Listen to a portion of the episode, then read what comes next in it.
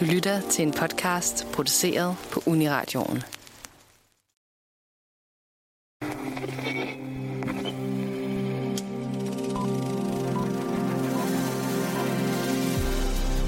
I anden sæson af HBO-serien The White Lotus ankommer ni amerikanske gæster til The White Lotus' resort på Sicilien. På en baggrund af brusende bølger fra det joniske hav, ildevarslende renaissancemalerier og farvestrålende vaser udformet som afhuggede hoveder, prøver hotellets medarbejdere og gæster mere og mere desperat på bare at gøre, hvad de er kommet for, og samtidig ikke bryde fuldstændig sammen. I dag skal vi tale om anden sæson af The White Lotus, hvad det er, den kan, og hvordan og hvorfor den denne vinter blev internettets foretrukne murder mystery obsession. Velkommen til filmmagasinet Nosferatu. Hej, øh, velkommen til. Øh, vi skal snakke om The White Lotus i dag. Jeg hedder Sofie, og med mig i studiet har jeg Andrea Ja, hej. og Mathis. Hej, hej. Det er dejligt at se.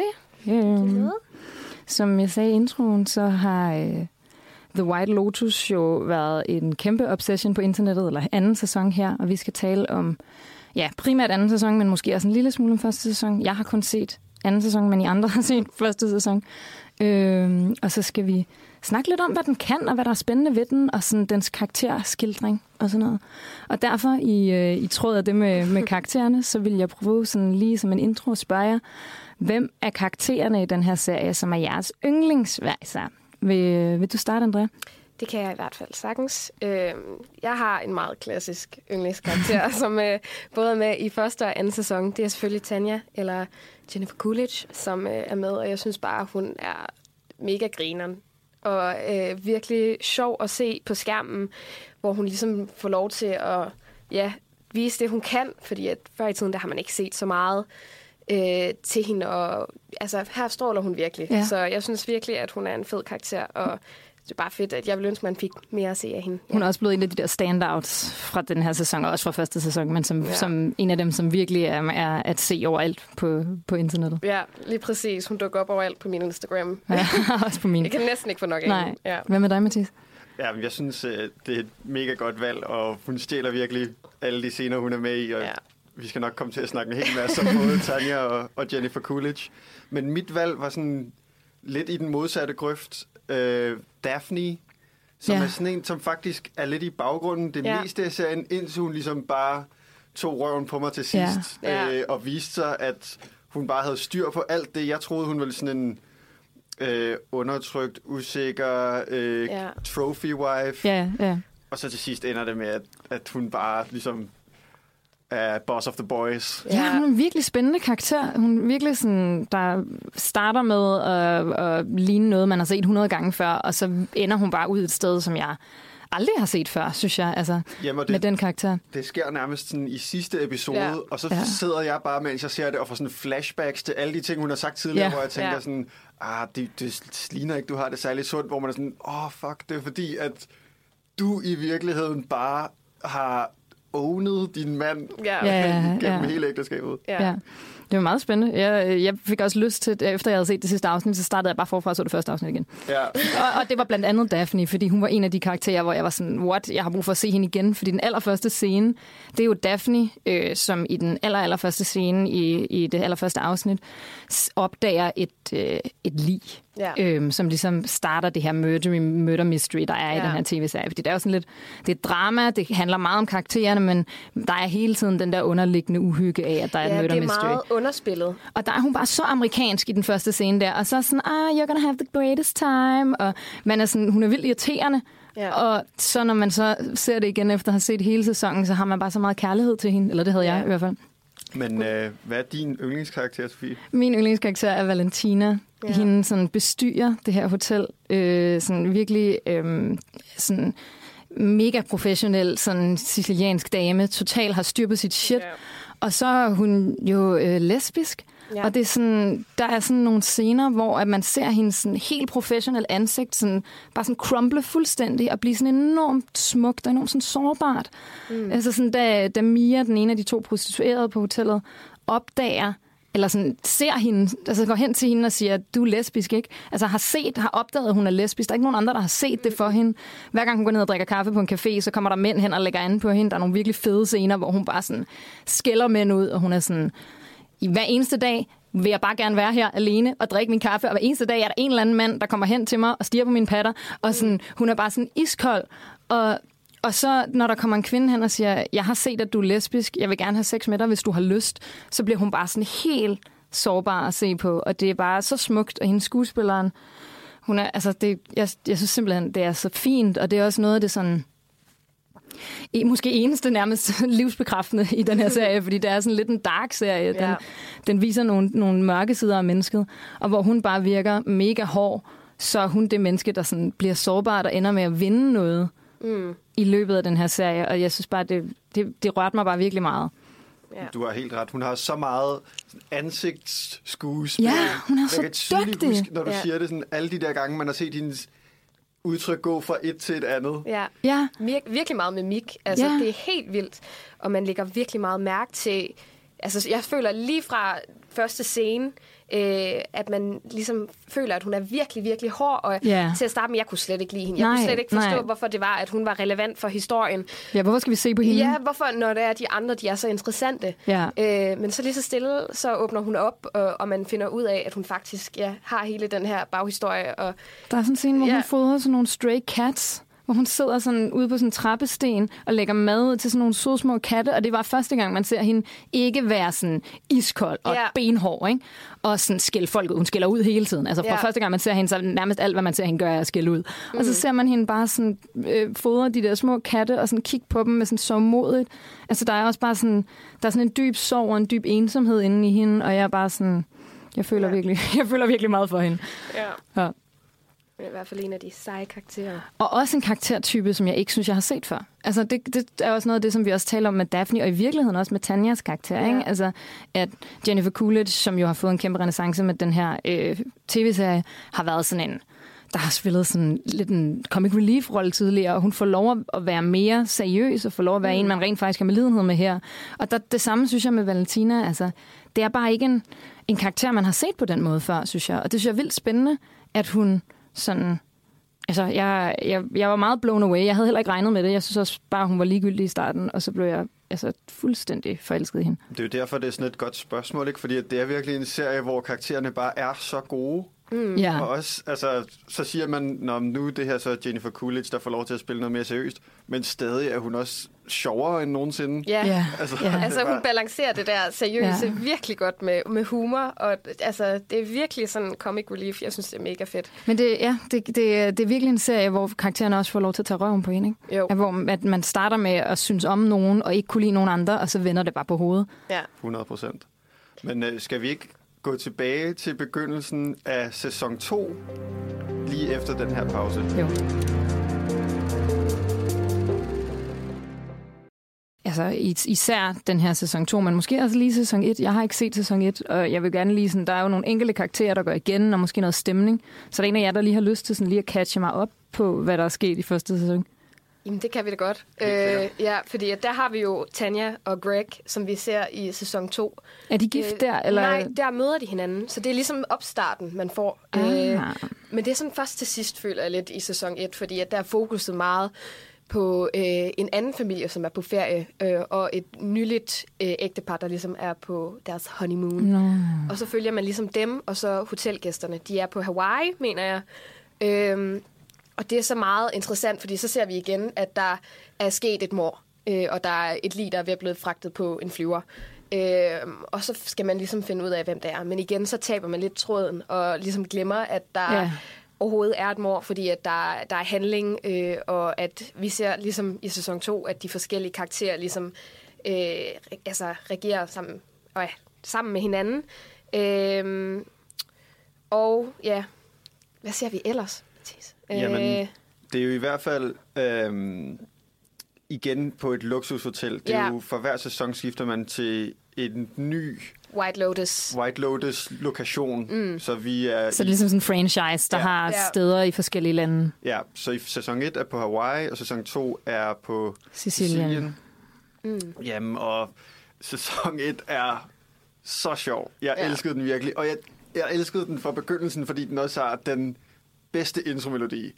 Ja, Jeg var sådan den er faktisk næsten bedre end sæson 2. 100 procent den er ja. bedre. Okay. Men ja, så jeg var bare hooked øh, lige fra starten, og også enig med, at jeg gik ikke så meget op i mordet, men mere i, hvor sjove alle de her karakterer er. Øhm, jeg har taget et lille klip med af faren for den familie, du siger, som går så mange ting igennem. Altså, Ja. Han tror, han har testikelkræft og har et helt Ja. sådan, krise Ja. omkring det, og så finder han ud af, at Det har hans, hans far havde, havde ikke kræft, som han troede. Nej. Han var død af AIDS, fordi han været hemmelig homoseksuel, Ja, og så ændrer det hans verden på ny.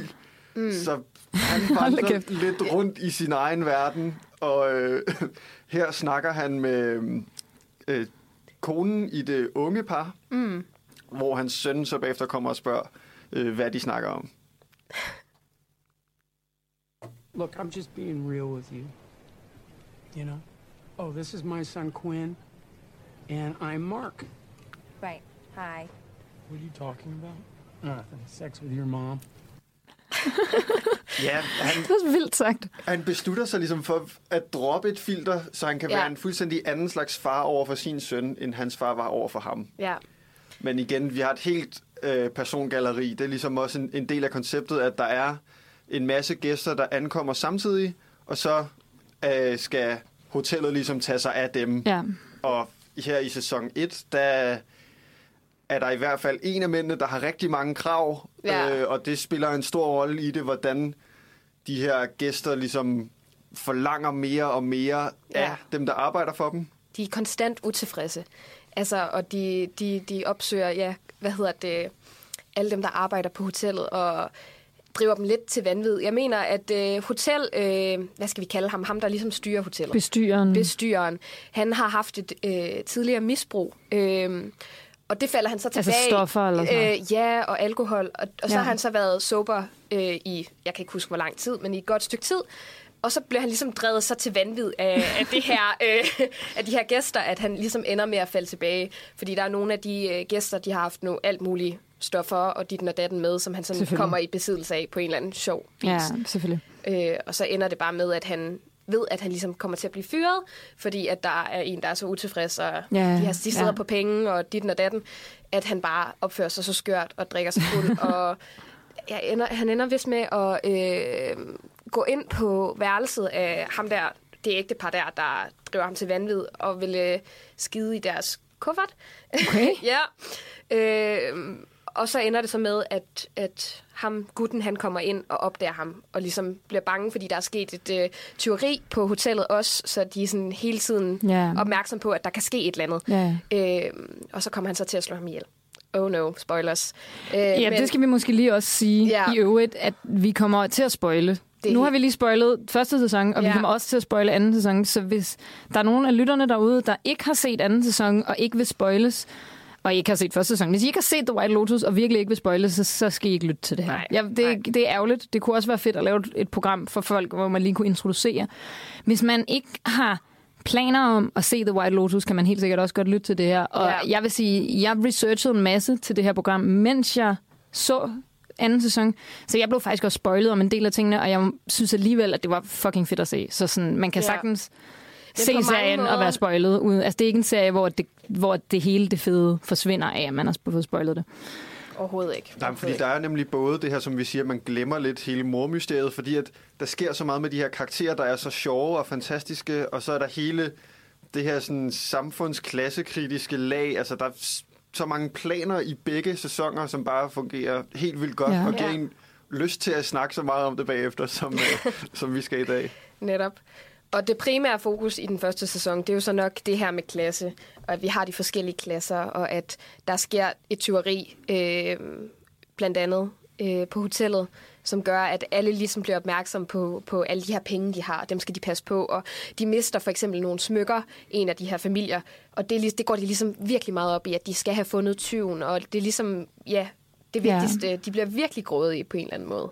Jamen, Så- det redder dem, og det, på en måde er det det bedste, der sker på hele deres ferie. Ja. De bliver rystet så tæt Ja, sammen. er og... det, Er tyveriet. Ja. Ja, jamen, det er øh, helt vildt godt. Og sådan, man må også acceptere at give dem lidt sympati, selvom man ikke har haft lyst til det. Så Ja. ja. man sige, ja, okay, selvfølgelig er det ubehageligt, at der er nogen, mm. der bryder ind på dit hotelværelse. ja, Ja. så... Skal vi give et recap af anden sæson også? Ja, det der øh, binder dem sammen, udover at de begge to foregår på lokationer fra White Lotus øh, hotelkæden, er, at vi har det her Made in White Lotus par, der vender tilbage, Ja. øh, nemlig Tanya og Greg. Og de Ja. mødte hinanden i første sæson på Ja. The White Lotus, eller hvad? Yes. Okay. Tanya var sådan en... Øh, hun ankom alene. Ja, hun havde mistet sin mor, og så skulle hun sprede hendes øh, aske ud over havet et eller andet sted i Hawaii. Og det var sådan en helt øh, emotionel øh, oplevelse for hende, og hun kan næsten ikke tage sig sammen til det og sådan noget. Det er vildt interessant at, at opleve på en eller anden måde, og følge hende i det. Øhm, Så havet spiller også en stor rolle, fordi jeg føler også, at havet spiller Ja. en stor rolle mm. i den her sæson. Jamen alle ligesom, øh, hvad skal man sige, de der cuts, Ja, de er altid nede i havet på en eller anden Ja, måde. Ja. vand, der bobler rundt. der bliver hele tiden klippet, det gør der også her i anden Ja. sæson, bliver hele tiden klippet fra det, der sker, og fra sådan sådan handlingen og interaktionerne mellem personerne til brusende bølger. Og sådan, det er, de der bølger er symbolisk for alting. Ja. Det er sådan vrede, det er sex, eller sådan, det, det er sådan, hver eneste gang, der er nogen, der kommer, så ser vi brusende bølger. Eller sådan, ikke? Det er sådan både en sådan, sådan orgasme-metafor, men det er også en vredesmetafor, men det er også en, en, sådan en uhygge-ting. Det, mm. Og det er også sådan, når noget går godt, det er når noget går skidt, det hele er bare vand. ja. Ja, hvor Tanja, hun har, hun er virkelig også et billede på det her mærkelige forhold, der er mellem gæster og ansat, øh, hvor hun prøver at blive venner med en øh, massør, Nå ja. som ligesom har givet hende en meget, meget dyb sådan, spirituel oplevelse I første en sæson. massage, Ja. i, i den første sæson. Det, det er så sjovt. Det er virkelig, altså, hvor øh, Jennifer Coolidge bare skinner. Altså, øhm, Virkelig. og hende her, at den ansatte tror, fordi hun har ligesom fået nævnt Tanja, at hun sagtens kan få hendes drøm om at åbne sin egen øh, massørklinik Ja. øh, til at blive til virkelighed. Og så er det sådan, så de mødes hver aften og spiser sammen, og så sådan, har så de der planer med, så vi kan snakke om, hvis vi skulle åbne det her sted, men vi behøver ikke gøre det lige nu. Mm-mm. Og så til sidst så sådan, Tanja, nej, jeg gider ikke rigtig alligevel. Ja, det er rigtigt. Nej, forfærdeligt. det er som om, at hun ligesom finder en erstatning for hende, fordi til at starte med, der er hun meget alene, øh, og hun har ligesom brug for, at der er mennesker omkring hende konstant. Og man kan sige, det er Ja, også... hun, hun er sådan lidt et lidt voksen barn, ikke? Jo. Altså, hun har ligesom brug for, at der er nogen, der yder omsorg for hende. Øh, det gør hun i hvert fald, sådan som jeg læser hende i anden sæson. Ikke? Ja, der er hun virkelig en, 24/7. en karakter, der har brug for, at, at der lige er en forældre, der, der kommer og... Altså, hun bærer Porsche, hendes øh, assistent, om at blive der, når hun, mens hun tager en lur. Altså, sådan super, super grænseoverskridende. Sådan, jeg lægger mig til at sove nu, du må ikke gå. Altså, Ja. Så hun har virkelig brug for, at der er nogen, der ligesom er over hende konstant. og passer på hende, eller sådan. Ja, og det finder hun jo så lige pludselig i Greg der. Og så er det lidt ligegyldigt med hende Ja. fra hotellet ellers, selvom hun får en ordentlig tip eller sådan et eller andet til sidst. Øh, Ja, så giver hun ja. hende nogle penge, og så behøver Ja. hun ikke tænke på, at hun egentlig havde lovet hende et eller andet. Nemlig sådan, ja, så det er okay. ligesom erstatning for, at, at ja, Ja. så. Men det er ret interessant også. Og hun går ligesom videre fra første sæson ind i anden sæson, og har jo en, en ret prominent rolle her i anden sæson. Altså hun er jo ligesom sådan en del af det, der, der binder hele fortællingen sammen her i, i anden sæson også. Netop. og øh, hvor at vi så i anden sæson møder nogle... Vi har ikke rigtig... Altså vi har også en familie, men det er sådan det er mændene fra en familie, ja, øh, som kommer for at øh, opdage deres italienske rødder, sådan, som amerikanere gør. Øh, og så har vi to par, der er ude at rejse sammen, øh, hvor de mændene er gamle college roommates, gode, tidligere gode venner, ja, og en, det ene par ligesom har mange penge, og det andet par er lige kommet sådan, til penge. til ja. penge. Ikke? Ja, Og så, hvem har vi mere, der kommer ud? Og så er der Tanja og hendes assistent Porsche. ja, Og så er der så de her forskellige mennesker, øh, der arbejder på hotellet, øh, staff, og så er der to øh, unge prostituerede, eller sådan ja. Escorts kalder de dem, ikke? Og den ene af dem er jo faktisk i virkeligheden ikke escort, da historien starter, men hendes veninde får hende ligesom lukket med, Lucia og Mia. ja, ind i den verden.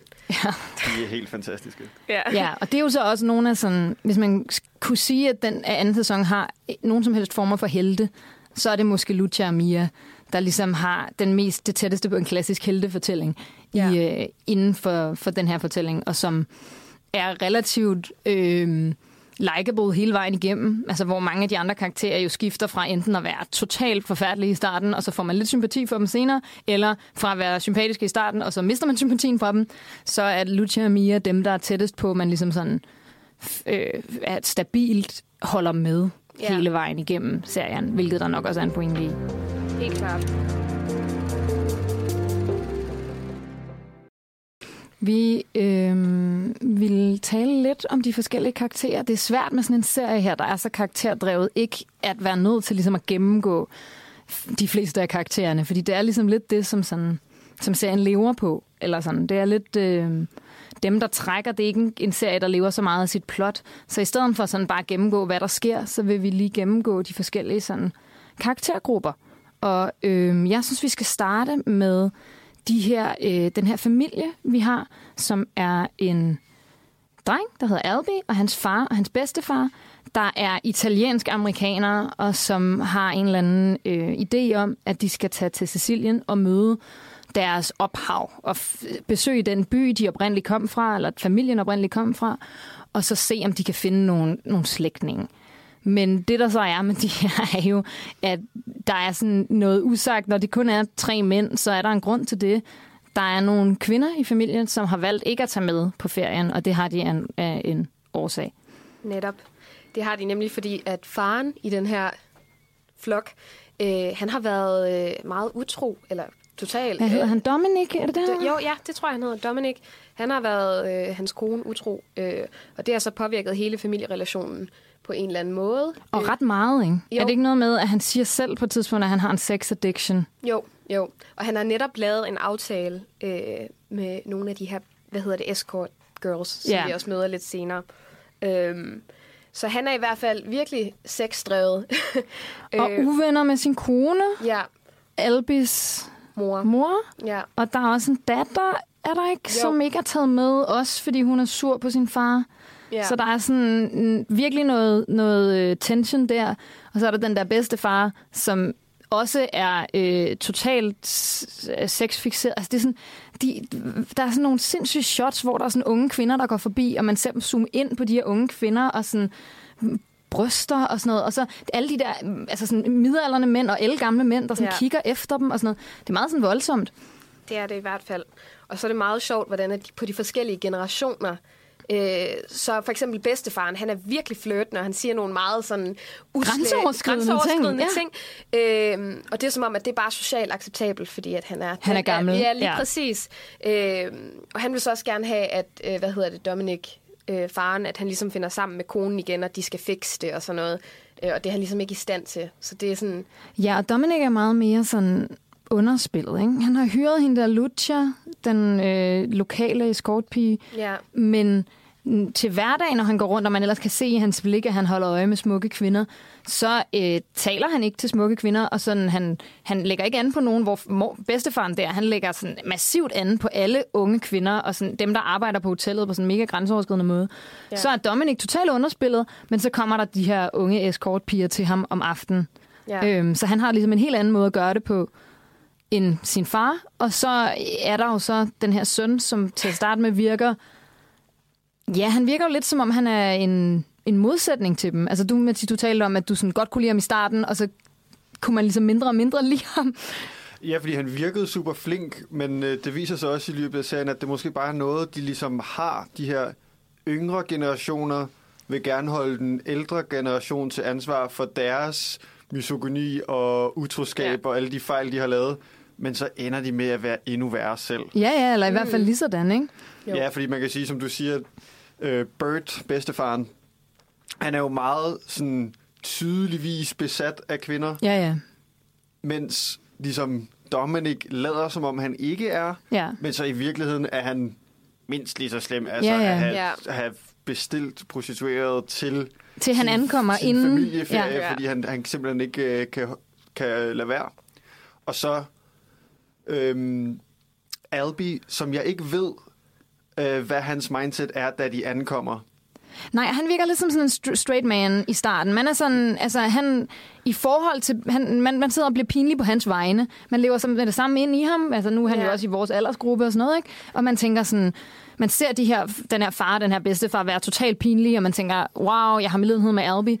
Men så sådan, ser man ham jo være lige sådan.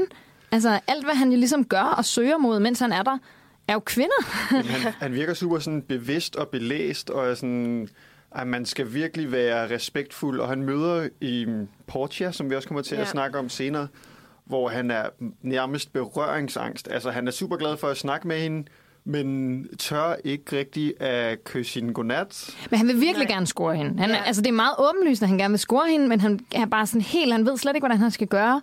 Og der, og der som sagt, der havde jeg meget med lidenhed med ham i starten, fordi det er også sådan, okay, det må også være svært at forholde sig til sin egen seksuelle tiltrækning af kvinder, når man kommer fra en familie, hvor at den er så grænseløs. Altså, som den jo er i hans familie, ikke? Og hvor det har været et kæmpe problem. Så jeg, godt, altså, jeg, jeg, jeg, jeg følte ved ham, ikke? Og han kommer, han har læst på Stanford, siger han adskillige gange. Ja. Og, øh, og sådan, er opmærksom på sådan patriarkatets magt og sådan noget. Ja, han og, kritiserer øh, Godfather på en ret fed måde på et tidspunkt. Ja, det, og, det, og det, altså, den kritik er jeg jo 100% enig Ja. ja. i. Problemet er bare, at det, er, det bliver sådan lidt, det begynder allerede der at blive sådan lidt performativt. Ja, Ja. Det klinger sådan lidt falskt, fordi han siger jo ikke de der ting til sin bedstefar og til sin far, når der ikke er en ung kvinde til stede. Nej. Altså, han siger det jo i virkeligheden bare for at score. Altså, i virkeligheden er han jo fuldstændig ligesom de to andre. Hele tiden, det eneste, de alle sammen tænker på, er at score. Ja. Og- ja, det jeg også kommer i tanke om, det er, at han har jo trods alt valgt at tage med. Ja. Altså, hans mor og søster har jo valgt ikke at tage med på den her ferie, fordi de ikke gider have noget med faren at gøre.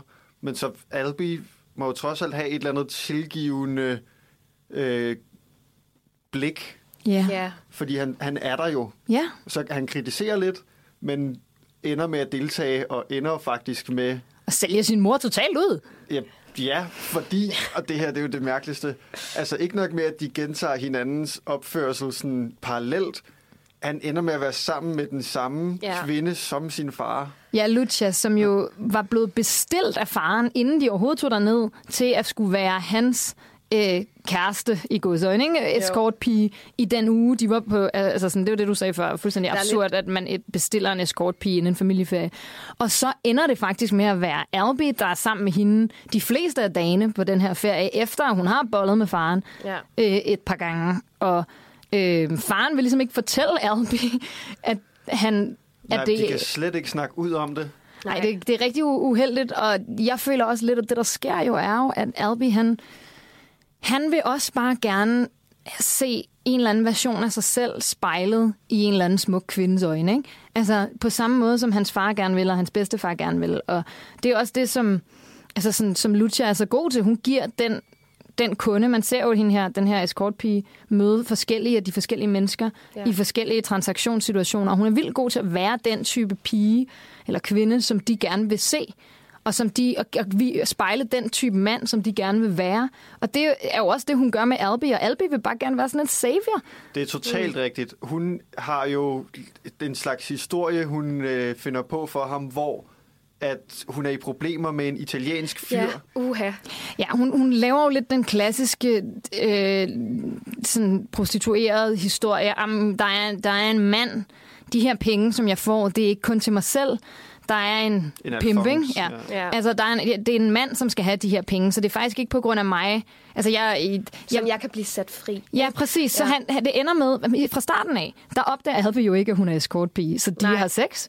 Og så er der en fuldstændig forfærdelig akavet scene, hvor oh. hun gerne vil have penge.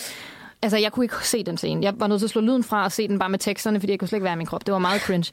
Og, øhm, og, og der er hun sådan, Nå, men det er jo ikke på grund af mig. Jeg synes jo, det er dejligt bare at have sex med dig. Øhm, men der er en mand, som jeg skal give nogle af de her penge til. Mm. Øhm, og den fortælling bygger hun jo så mere og mere på, fordi hun kan se, at Albi elsker den. Ja. Altså, han elsker ideen om, at han kan redde den her stakkels italienske kvinde. Altså, der er også noget klasse noget, og der er noget sådan American Savior, med at vi kommer fra USA og redder de her sådan, øh, sådan fattige øh, kvinder på gaden i Europa. Eller sådan, der er sådan en eller anden sådan savior-kompleks Ja. ting, hvor at han, han vil helt vildt gerne være den stærke mand, der kommer med sine penge og kan købe den stakkels fattige kvinde ud af gaden, og så tage hende med tilbage til USA. Ikke? Ja, fordi han ser slet ikke sig selv som kunde. Altså, han betaler, han betaler ikke for at have sex med hende, han betaler for at befri hende. Ja, mm. og han, han, fra starten af ser han ikke sig selv som kunde. Han ser sig selv som bedre end sin far og bedstefar, også selvom at han gør jo præcis det samme. Ja, og måske værre på den måde, at han ender med at få pengene.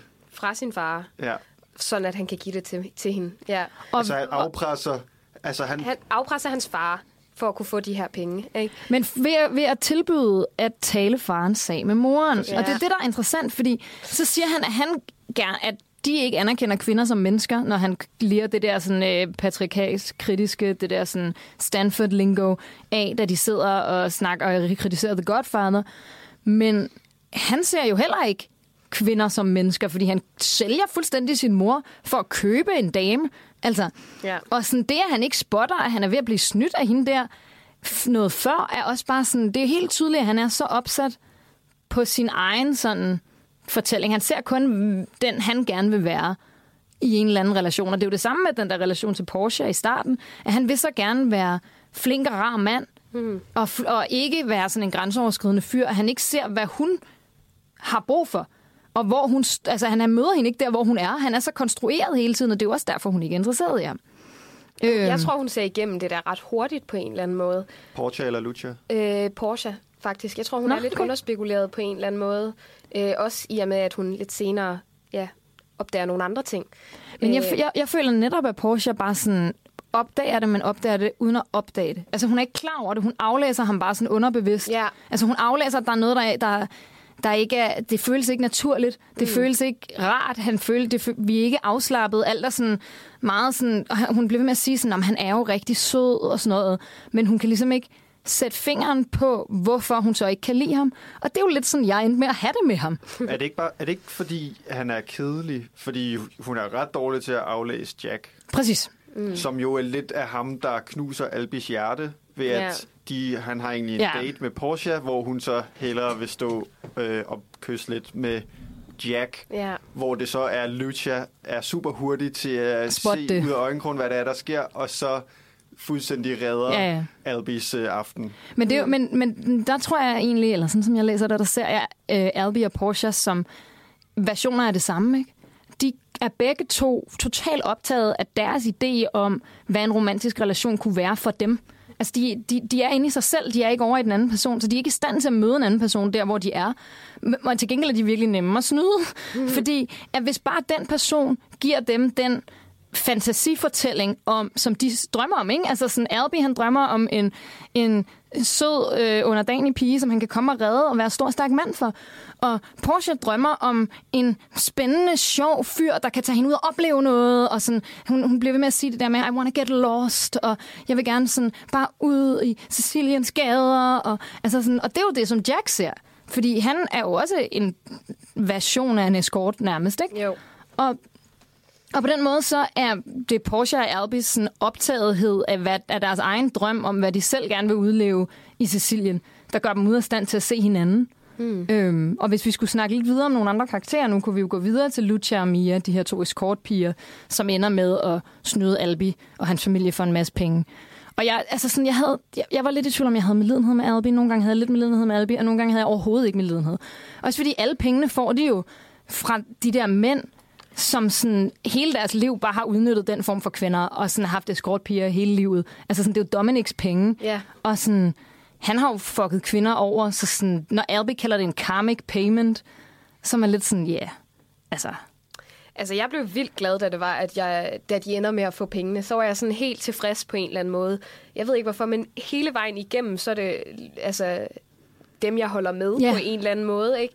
Øh, og man ser dem vist også til sidst gå ned af en eller anden gade i Italien, hvor der de lige hilser på nogen, eller de kommer ud og køber nogle kjoler, eller et Ja. eller andet. Øh, hvor man virkelig føler, at kvinderne, de ligesom tager magten på en eller anden måde fra de her fyre. I hvert fald de her to, som der er sådan en rags to riches historie, ikke? med at de ikke har nogen penge i starten, og de Ja. ender med at have alle pengene og al magten. Ikke? Jo. Det er sådan en, der er sådan en lille, en lille sådan, øhm, skæv Cinderella story på, på spil der. Ikke? At de sådan starter med at have ingenting og ender med at, at, at have den mest den bedste oplevelse, have den bedste uge. Altså sådan Ja. mange, de fleste af de andre karakterer har jo en lorteuge. Altså, Ja, det har de der tre generationer i hvert fald, hvor de ender med, at de skal ud og lige sige hej til, have deres de skal homecoming. møde de der, øh, slægtninge. De tager hen til den by, hvor der er, at de stammer fra, og så ender det bare med, at der står en ældre dame og vifter med en artiskok og siger, okay, så smut-agtig, ikke? Så det, der ender de ikke med ligesom den her afklaring på deres historie. Det går bare ned ad bakke for dem. Det er også bare så grineren, det der med, at de bare sådan har romantiseret ideen om sådan en homecoming, og komme hjem til Italien. Ja. og den der sådan amerikanske romantisering og sådan nærmest fetichering af Italien og Europa, og sådan som hele altså hele hotellet jo også spiller på med sådan den der myte, de der afhuggede hovedvaser, som er sådan en eller anden gammel myte om en kvinde, der huggede hovedet af sin mand, fordi han var hende utro eller et eller andet. Og den sådan, alting spiller på, at sådan amerikanere, de sådan gerne vil se en eller anden vulgær version af kultur. Og, sådan, ja. og der, der er det, de også bare virkelig billede på, den, der, de der, den her familie, ikke? de her tre generationer, som sådan tager ud og ser sådan noget øh, turist noget, sådan noget Godfather-turist noget, ja. og bare sådan, mm, italiensk kultur, vi er italienere, og det er sådan, I har intet med Italien at gøre. I kan ikke engang tale italiensk. Jamen, og så, du, de ser jo øh, der, hvor der er blevet optaget en amerikansk film Ja, i præcis. Det er der, de finder Det er rigtig italiensk kultur. Uh, kultur, ja. Uh. Som jo også bare er en, en amerikansk fetichering af italiensk ja, kultur. Netop. Ja, så der er, sådan, der er nogle, der er nogle sådan ringe i vandet der, og man kan også se, at der er noget, altså sådan, der er en generelt en, sådan en, en filmhistorisk bevidsthed også i The White Lotus, med at lege med det her sådan, øh, Godfather-agtige, og der er også den der scene, du talte om, hvor de sådan genskaber. Det, fra L'Aventura, Ja. ja. øh, hvad hedder det, hvor vi har, øh, hvad det, hun hedder, Monica Vici, som de også snakker om ellers. Ja, øh, som også bliver snakket meget om. at, øh, hvad det er, hun hedder, øh, Tanja? Nej, det er Harper godt nok, der, øh, der, der, Der går de hen er i gaden. Noto, og så Ja. genskaber Noto. de sådan, hvad hedder det, scene fra L'Aventura, hvor Ja. Monica Vici, hun render rundt, og der er mænd, der bare... der, sådan, der sådan samler sig om hende Ja. som gribe, der sådan går tættere og tættere på hende. Og det er i virkeligheden en ret uhyggelig scene, også i The White Lotus, hvor Harper ligesom føler sig omringet. Ja. Eller sådan, ikke? Og der er, sådan, der er også et spil i den her, altså sådan, i den her serie på sådan noget med, med sådan øhm, predatory øhm, øhm, opførsel fra mænd, der ligger an på kvinder. Og der er jo også sådan lidt en kliché om, at italienske mænd er sådan meget øh, øh, grænseløse i deres måde at lægge an på kvinder på, og der er amerikanske kvinder, der rejser til Italien, fordi de gerne vil have det, men der er også italienske kvinder, der er pænt fucking træt af det, som for eksempel Valentina. Ja. Altså sådan, så der er sådan, der er også et spil på det der med sådan forskellige måder at lægge an på folk på, også med, øh, med Albis måde, og sådan totalt ubehjælpsom måde at lægge an på Porsche på, og være sådan, øhm, må jeg, må jeg godt kysse dig? Og hun er sådan, øh, det øh, måske. Eller, altså, det er bare så sådan akavet, der er ingen sådan, ja, lyst. Nej, ikke som sådan. Men det er jo ret interessant. Øh, det er også derfor, at, at jeg synes, det er fedt, at vi kommer ind øh, og får en lidt mere italiensk indgangsvinkel, indgangsvinkel via Valentina og Isabella. Og Ja, vi er både, øh, både øh, Mia og Lucia, de to Ja. escortpiger, men også Valentina og Ja, de andre, der hotel. arbejder der, Nemlig. der på hotellet. Fordi de er jo også sådan udtryk for den italienske vinkel, eller den sicilianske yeah. vinkel. Og deres sådan... Øhm, altså sådan Valentinas sådan manglende øh, tålmodighed med gæsterne er jo altså sådan også bare med til at afsløre, hvor irriterende gæsterne er. Altså den der måde, hvor at den sådan Tanja sådan lige pludselig står til morgenbuffeten, og så spørger hun, om de har Oreo cookie dough, eller et eller andet. Hvor man er sådan, nej, det er en italiensk morgenbuffet, du har melon. Altså sådan, selvfølgelig har de ikke Oreo cookie cake. What is wrong with you? Og sådan, den der sådan, når man så ser det fra de der medarbejdere synsvinkel, og Valentina, der skal stå og sådan gætte, sådan, hvor at Tanja er sådan, hvem er jeg nu, hvem er jeg nu? Og Valentina er sådan, Peppa Pig. Det var så genialt. Og så vil hun gerne være Monica Vici, og det er Ja. så hjerteskærende jo, fordi Tanja er en hjerteskærende karakter. Men det er også bare sådan, man, kan, man ser det fra de der medarbejderes vinkel og tænker sådan, puha, det er fandme ikke det nemmeste job, de har. Ja, fordi at det er som om, de her karakterer i virkeligheden ikke er kommet for at besøge Italien, men den amerikanske fantasi om Italien. Præcis, Ja. præcis. Ja. Og de elsker, altså mændene idealiserer den der aggressive måde at lægge an på kvinder Ja. på, som de aspirerer til, og kvinderne vil gerne være de her, øh, Monica Vici. ja, som ligesom fremmaner de her reaktioner fra Ja, mænd, ja. hvor Mm. at hele vejen igennem, så de italienske kvinder er så træt af amerikanske turister og mænd Ja. især. Ja. Men altså, altså, ja, Valentina er jo bare træt af mænd generelt. Altså, hun har jo heller ingen tålmodighed med til de italienske mænd. Og hun er sådan helt overbevist om, at der er jo de her to sådan, øh, øh, receptionister, Rocco og Isabella, og de står altid sådan og flytter lidt. Og Valentina er bare helt overbevist om, at Rocco må være grænseoverskridende over for Isabella, fordi det er det, hun oplever selv.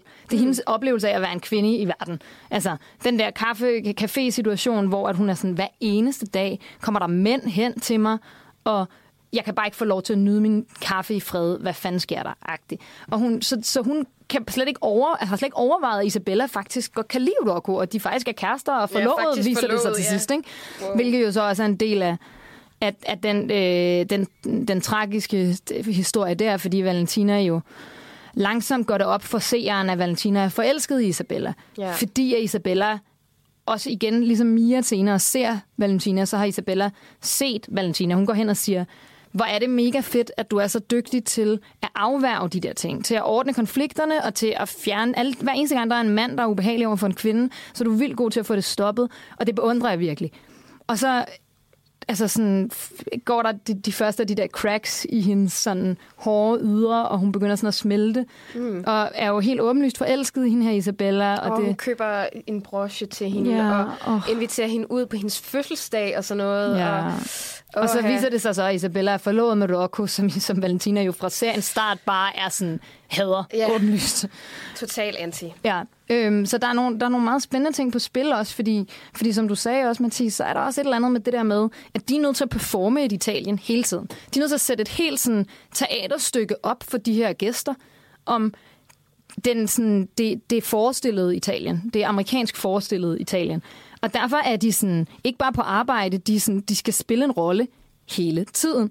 Og hvor at det, altså sådan, det, det virker som om, at det er lidt hårdt for Valentina, så er det jo noget, der, der virker som om, det falder Lucia meget nemt. Altså sådan, de der escortpiger, Ja. de får jo performet lige præcis, hvad de der amerikanere har brug for. Altså, lige når de, har brug for det. Altså sådan, da hun skal være øh, sammen med Dominic, der er hun subservient og meget sådan, ej, jamen jeg vil da bare gerne gøre, som du har brug for. Og da hun så senere er sammen med øh, Ethan og... Øh, hvad hedder han? Cameron. Cameron. Ja. Der er hun en partygirl og har alle de drugs, de skal bruge, og, og drikker sig bare mega stiv med dem. Og, altså sådan, der er sådan, og så da hun skal stå over for Albie, så er hun bare en sød ung pige, som har Ja. brug for hjælp. Altså, Og hun, det som jeg synes er det vilde med hendes forhold til Albi, er, at hun får ham til at ændre, eller hjælper ham med at lave den konklusion, som han måske i virkeligheden selv gerne vil hele tiden. Ja.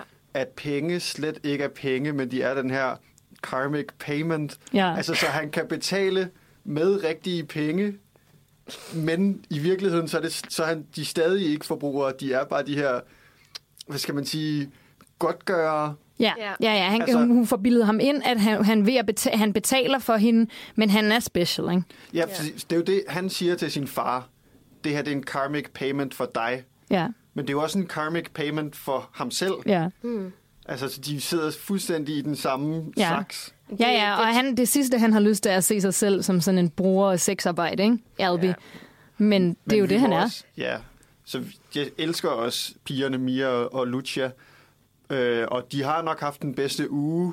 Men, Ja. det der, men det, der altid er, synes jeg, med White Lotus, det er, det er også de rige, der vinder mest til Ja. sidst. Altså, det kan Ja. godt være, at de ikke har haft den bedste uge, men de tager stadig hjem og er rige. Ja, ja. Og de her tre gutter har jo bare fundet sig mere eller mindre til rette med, at nu kan de være nogle dumme svin. De har lavet deres Ja. karmic payments, Ja. og så kan Ja. cirklen bare fortsætte. Fortsæt. Det er det rene Ødipus-kompleks. Mens- altså, Ja. Ja. vidderligt, hvor det er... At, Og sådan, Albi havde jo muligheden for måske at sådan indse, hvor nederen hans fæ- far og bedstefar Ja. er, og beslutte sig for at være en anden type person. Og i stedet ender det faktisk med det omvendte. At det ender med, at han bliver den samme. person. Ikke? Og han, jeg, jeg synes, han sælger sin mor ud. Ikke? Altså, og sådan, jamen, så vil jeg gerne øh, forsvare dig over for mor, øh, hvis du giver de her penge til den her kvinde, som øh, den her prostituerede, som jeg gerne vil bolle med. Eller sådan. Ja. Altså, jeg gerne vil redde. Ikke? Ja, men det er jo det, og det er jo, og det, fordi det er jo ikke fordi det er jo ikke sex han betaler for, han betaler for fortællingen om sig selv som savior eller sådan, ikke? Men ja, det er ikke det, det er ærgerligt. Det er rigtig ærgerligt.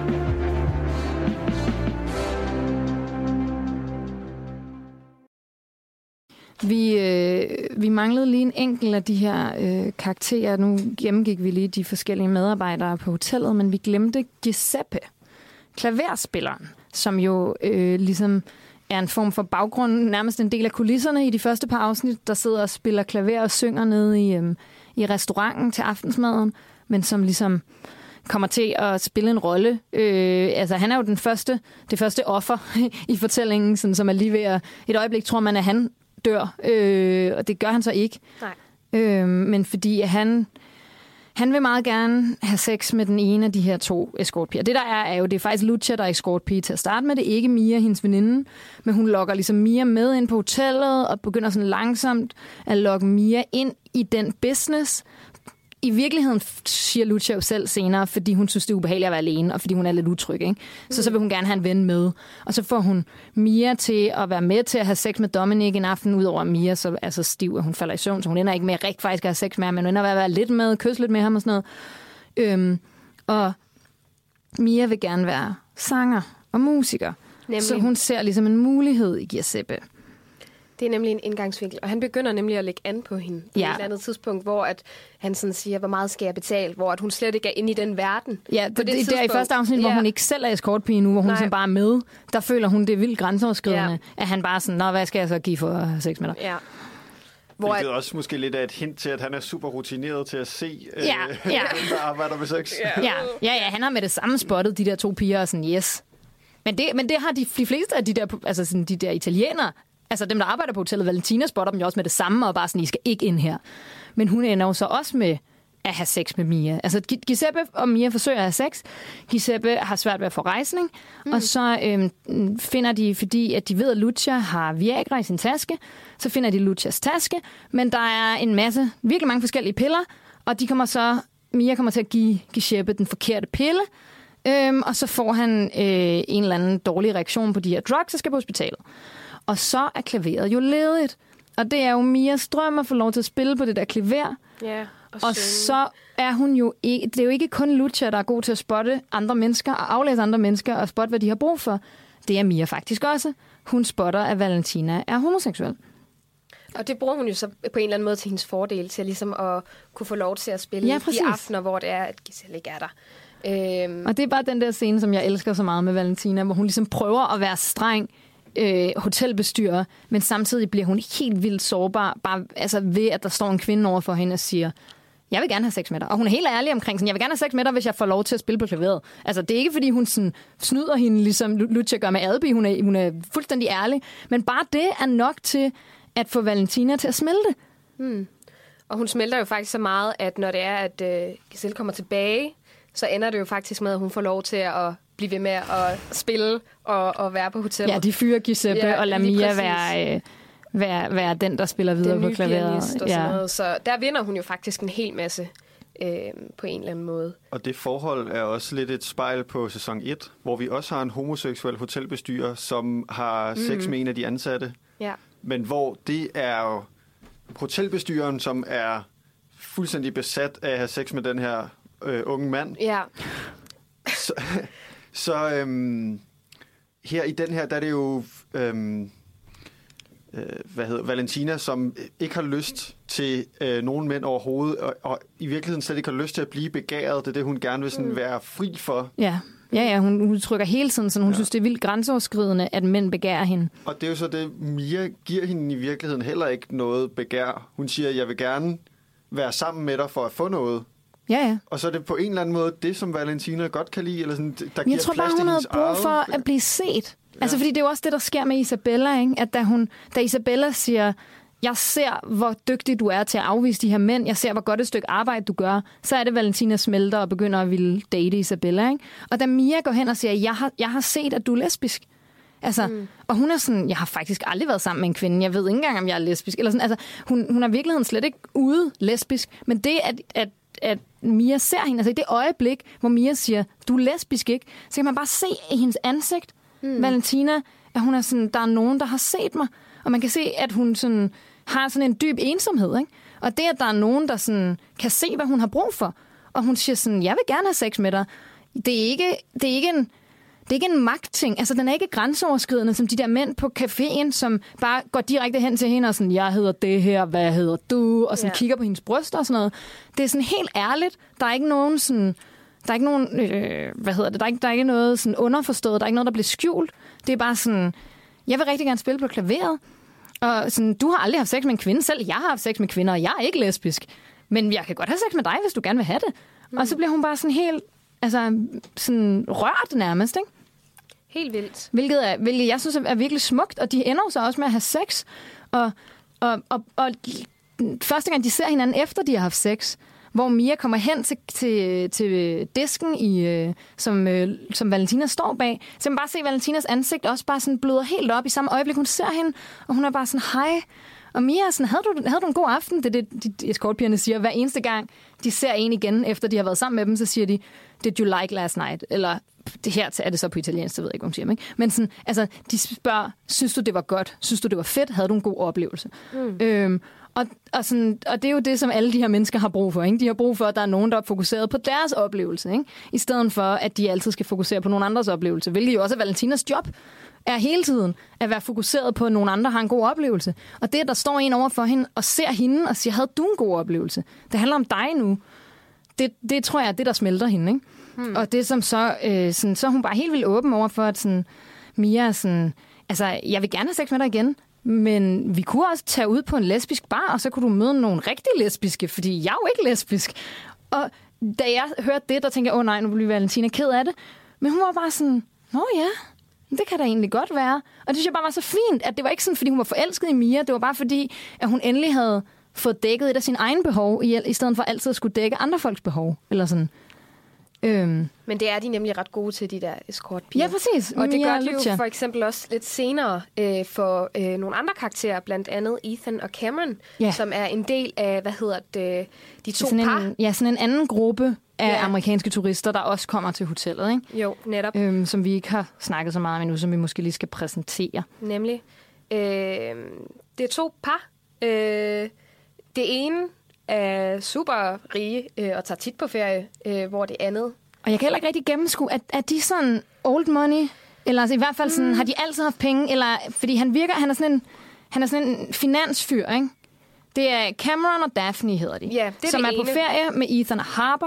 Og Ethan og Cameron er gamle college roommates. Ikke? Nemlig. Og fra starten af får vi lynhurtigt præsenteret altså Cameron og Daphne som nogle, lidt nogle rige røvhuller, og Ethan og Harper som nogle karakterer, vi ligesom kan sætte os ind i. Seeren kan sætte sig ind i. Ikke? De er sådan den, den sådan, ikke den økonomiske overklasse, men måske den kulturelle overklasse. Ikke? Det er dem, som sådan som sådan har set en masse film og læser en masse aviser og følger med i, øh, hvad der sker ude i verden og altid stemmer til valget og sådan noget. Er meget sådan forarvet over, at Daphne og Cameron var sådan, stemt ja? Det ved jeg ikke. Jeg ved ikke, om jeg stemte og sådan noget.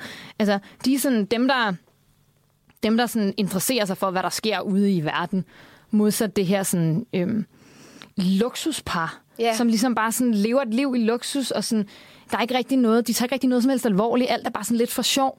Ja. Øhm, og det er jo så dem, der har inviteret Ethan og Harper med på ferie, efter at Ethan, som skal forestille at være sådan en virkelig klog fyr, og han har skabt et eller andet tech-firma måske, tror Ja, jeg, som han har solgt. som han har solgt, og han Ja. er så blevet rig, så nu er han ligesom i, i, han begynder han ligesom i klasse at være op på niveau med Cameron, mm. og derfor så skal de ligesom hænge ud sammen. Og sådan, der er også lidt sådan en, hvorfor har de inviteret os med på den her ferie, Ja. question mark? Konen er i hvert fald, Harper, hun er meget sådan øh, tvivlende i forhold til, hvorfor er det, de er der. Og, Og hun er også sådan, der er hvordan skal jeg nogensinde kunne holde ud og være sammen med de her mennesker? Altså, Ja, fordi hun tror ikke på noget af det, de siger.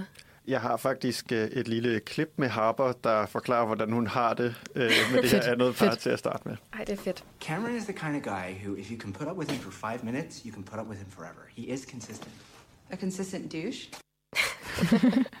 Det er så godt, det der. Men hun bliver spillet af Aubrey Plaza, som er sådan meget sådan, øh, sarkastisk og deadpan, og hun har bare sådan, det er sådan helt stoneface hele tiden, og så er hun bare sådan, hvem er de her mennesker, Ethan?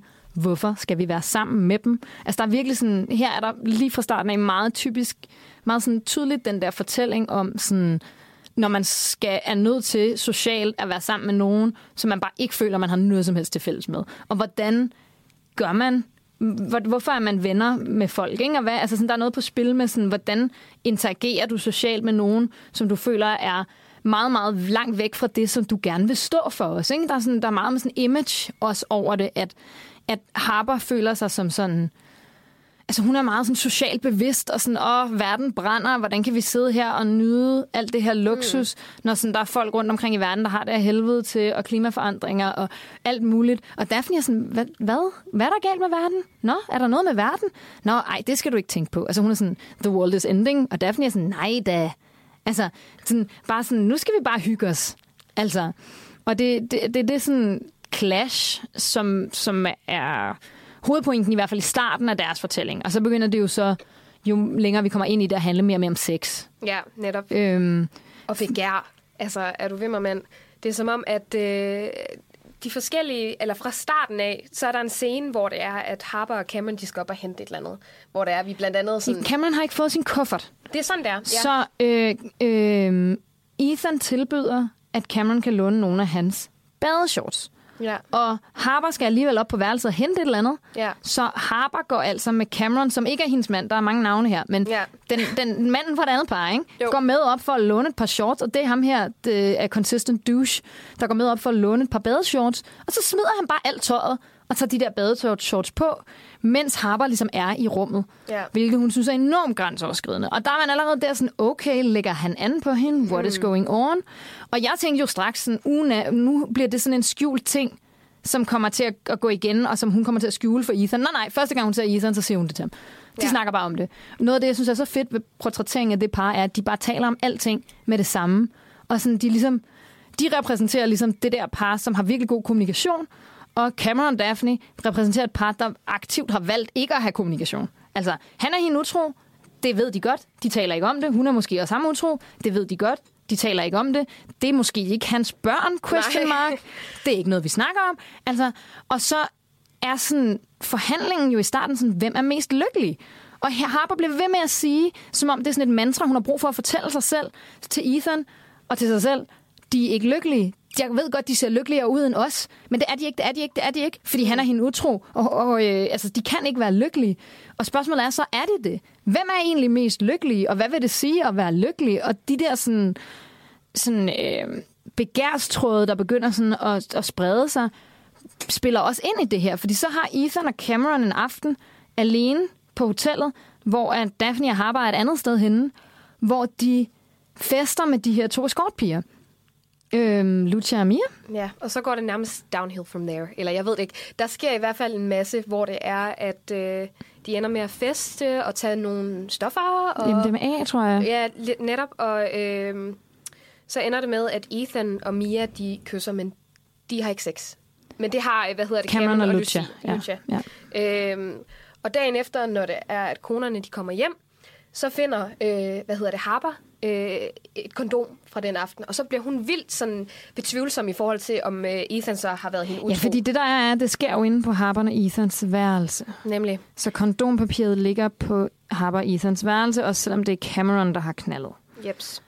Øh, og dagen før, der har hun jo også også fået, der har de fået snakket meget, de her koner, om at ja, Cameron han er, hvad hedder det, Daphne utro, konstant. og øh, Daphne ved det godt, men hun er så bare også ham utro. Og i virkeligheden er det, som sådan, Harper siger, sådan, åh, hun synes, det er lidt svært, de har ikke så meget sex, hun har, har det svært med, altså det, det begynder allerede sådan at være klart for publikum, at, at der er noget med, med begæret i deres forhold. Ethan onanerer, men han vil ikke have sex med hende. Der er sådan et eller andet. Ja. Øhm, og så Daphne er bare sådan, Nå, men øhm, så kunne du bare knalde med nogle andre, ligesom jeg gør, når jeg er bange for, at... Eller sådan, hvis jeg, Ja, det siger hun meget Hvis jeg ikke er tilfreds, så... Ja, altså hun siger det ikke, men Ja, ja, men så, ja, selvfølgelig. det bliver sagt meget mellem linjerne, ikke? Jo, lige, netop. Øhm, men så er det jo så meget sjovt, det der åben kommunikation, som de ellers har. Der Det ser brister vi, med det der brister kondom, ja. konstant, altså, eller virkelig meget. Øh, og man ser, ser nærmest, at Harper, hun øh, går hen og giver ham alle mulige tænkelige måder, at han ligesom kan komme til hende og så sige det. Og det gør han ikke. Øh, Ja, hun og, blev ved med at sige, hvad skete der i går? Ja. Hvad skete der i går? Hvad skete der i går? Og han er sådan, vi blev virkelig stive, det var bare det. Og hun var sådan, var I sammen med nogen? Og så var han sådan, altså ja, vi snakkede lidt med nogle forskellige mennesker. Var I sammen med nogle kvinder? Det er sådan, ja, vi var sammen med både kvinder og mænd, men det var mest bare os. Og det er sådan, ja. hvorfor er der det her kondomspapir på gulvet? Det er det mest frustrerende i hele serien. Ja. Fordi det er virkelig, jeg synes specielt, øh, Harper er ligesom den mest relaterbare karakter. Ja, totalt øh, enig, ja. Som ligesom kan komme ind og pege på alting og sige, okay, rige mennesker er mærkelige, øh, de har taget intet ansvar, og Ja, så videre. Og man er bare sådan, mm. du har fuldstændig ret. Ja. Øhm, og så har de det her dejlige forhold, hvor de kan fortælle om alt, og man er med på, ja okay, de er ikke sådan jubel øh, lykkelige, og man ville gerne ønske, at de kunne få noget mere af den romantiske energi, som det andet par har. Og så er det, at Ethan jo er en mega god fyr, og mm. ikke øh, har sex, selvom han er sendt afsted på stoffer og Ja. alkohol. Han er, mega, han er helt væk, altså. Ja, uff. Og Så- den måde, det, det, sådan, det blev vist, at altså, den måde, det er klippet på, er jo sådan helt tydeligt, at han bare sejler. Ja, jeg følte mig helt fuld, da jeg så det. For ja. jeg var sådan helt, hvad foregår der? Men han afviser alligevel. Og så, Ja. og så kan han bare ikke finde ud af at sige det, og jeg fatter stadig ikke, hvorfor. Nej. Altså, det er virkelig sådan... Hvis du bare havde sagt det med det samme, så havde der ikke været nogen problemer overhovedet. Altså, det kunne Ja. virkelig have gjort noget godt for jer, men så bliver han bare ved med at vælge stillhed hver ja. eneste gang. Ja. Indtil, og det driver bare fuldstændig Harper altså til vanvid. Ja, ja, ja, ja. Også fordi hun kan jo mærke, at han skjuler. Hun ved jo, at han skjuler et eller andet. Og når han så endelig fortæller hende det, så fordi han har skjult det så længe, så tænker hun, det kan umuligt være det hele. Mm. Altså, og, og, jeg, og jeg tænker, at det allerede der begynder at pege på relationen mellem Ethan og Cameron. Fordi vi har snakket en lille smule om de sådan lidt sådan... Altså, der er jo noget homosocialt, som næsten bliver sådan lidt homoerotisk. At, og, og der er noget med magt også i deres relation, hvor at Ethan har sagt, eller Cameron har sagt til Ethan, du må ikke sige noget om det her. Og han er så... Øh, altså, han tager det så alvorligt. Han er så tro mod det løfte, og jeg er sådan, hvorfor? Altså, ja. fordi som du siger, Mathis, han skulle bare sagt det. Altså, hvorfor gør han ikke det? Altså, og det er jo der, man kan spekulere på, om de her to mænd er tiltrukket øh, af hinanden. Mm. Man kan sige, at den her aften, hvor de øh, er sammen med de prostituerede, der har de sådan den bedste feriedag, hvor de er sådan ude på øh, vandskuter eller jetskis, eller hvad det hedder. Ja. Og sådan, det er sådan helt filmet, filmet sådan rom-com-agtigt, hvor de sådan i slow motion kigger på hinanden Ja. på bølgerne. Og Cameron bliver ved med at sådan, kalde ham søde navne og sige, hey baby, og sådan. Mm. Altså, han øh, flytter enormt meget med Ethan. Og der er bare som om, at sådan, fra starten af er Harper jo hele tiden sådan, hvorfor er du venner med ham her? Ja. I har intet til fælles. Hvorfor er vi taget med på den her ferie med de her mennesker, som der ikke er nogen chance for, at jeg nogensinde ville have det godt med? Og man er sådan, altså, man sidder som seer også og tænker, Hvorfor kan Ethan lide Cameron? Fordi Cameron, udover, selvom Cameron flytter med Ethan og er mega sådan sød ved ham, så sviner han ham jo også til. Altså, han er jo bare et røvhul all round. Altså, sådan, det, altså consistent douche, som Ja, yeah, kalder ham time. Han er bare et kæmpe røvhul. Hvorfor?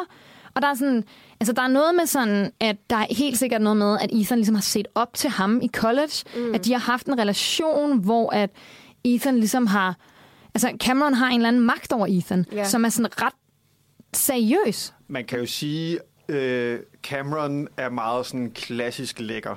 Ja. Øh, Hell og, yeah. og, øh, og det får man så også at vide, at han havde meget nemt med pigerne i college. Ja. Og specifikt faktisk valgte at være sammen med dem, som Ethan var interesseret i. Ja. Ja.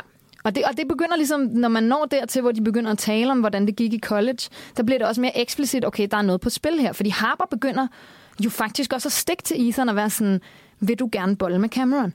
Har du, altså kan- jeg tror, Harper er så meget i tvivl om, hvad det er, han prøvede at skjule for den aften, at hun er også i tvivl om, de har haft sex med hinanden. Hun blev ved med at være sådan, har I nogensinde haft en trekant? Har I nogensinde bollet den samme dame? Nå, okay, har I nogensinde bollet den samme dame samtidig? Altså hun, hun kan jo godt mærke, at der er et eller andet der, at, at, at, Cam, at Ethans sådan, øhm, øh, Ethan er mere lojal over for Cameron end over for hende.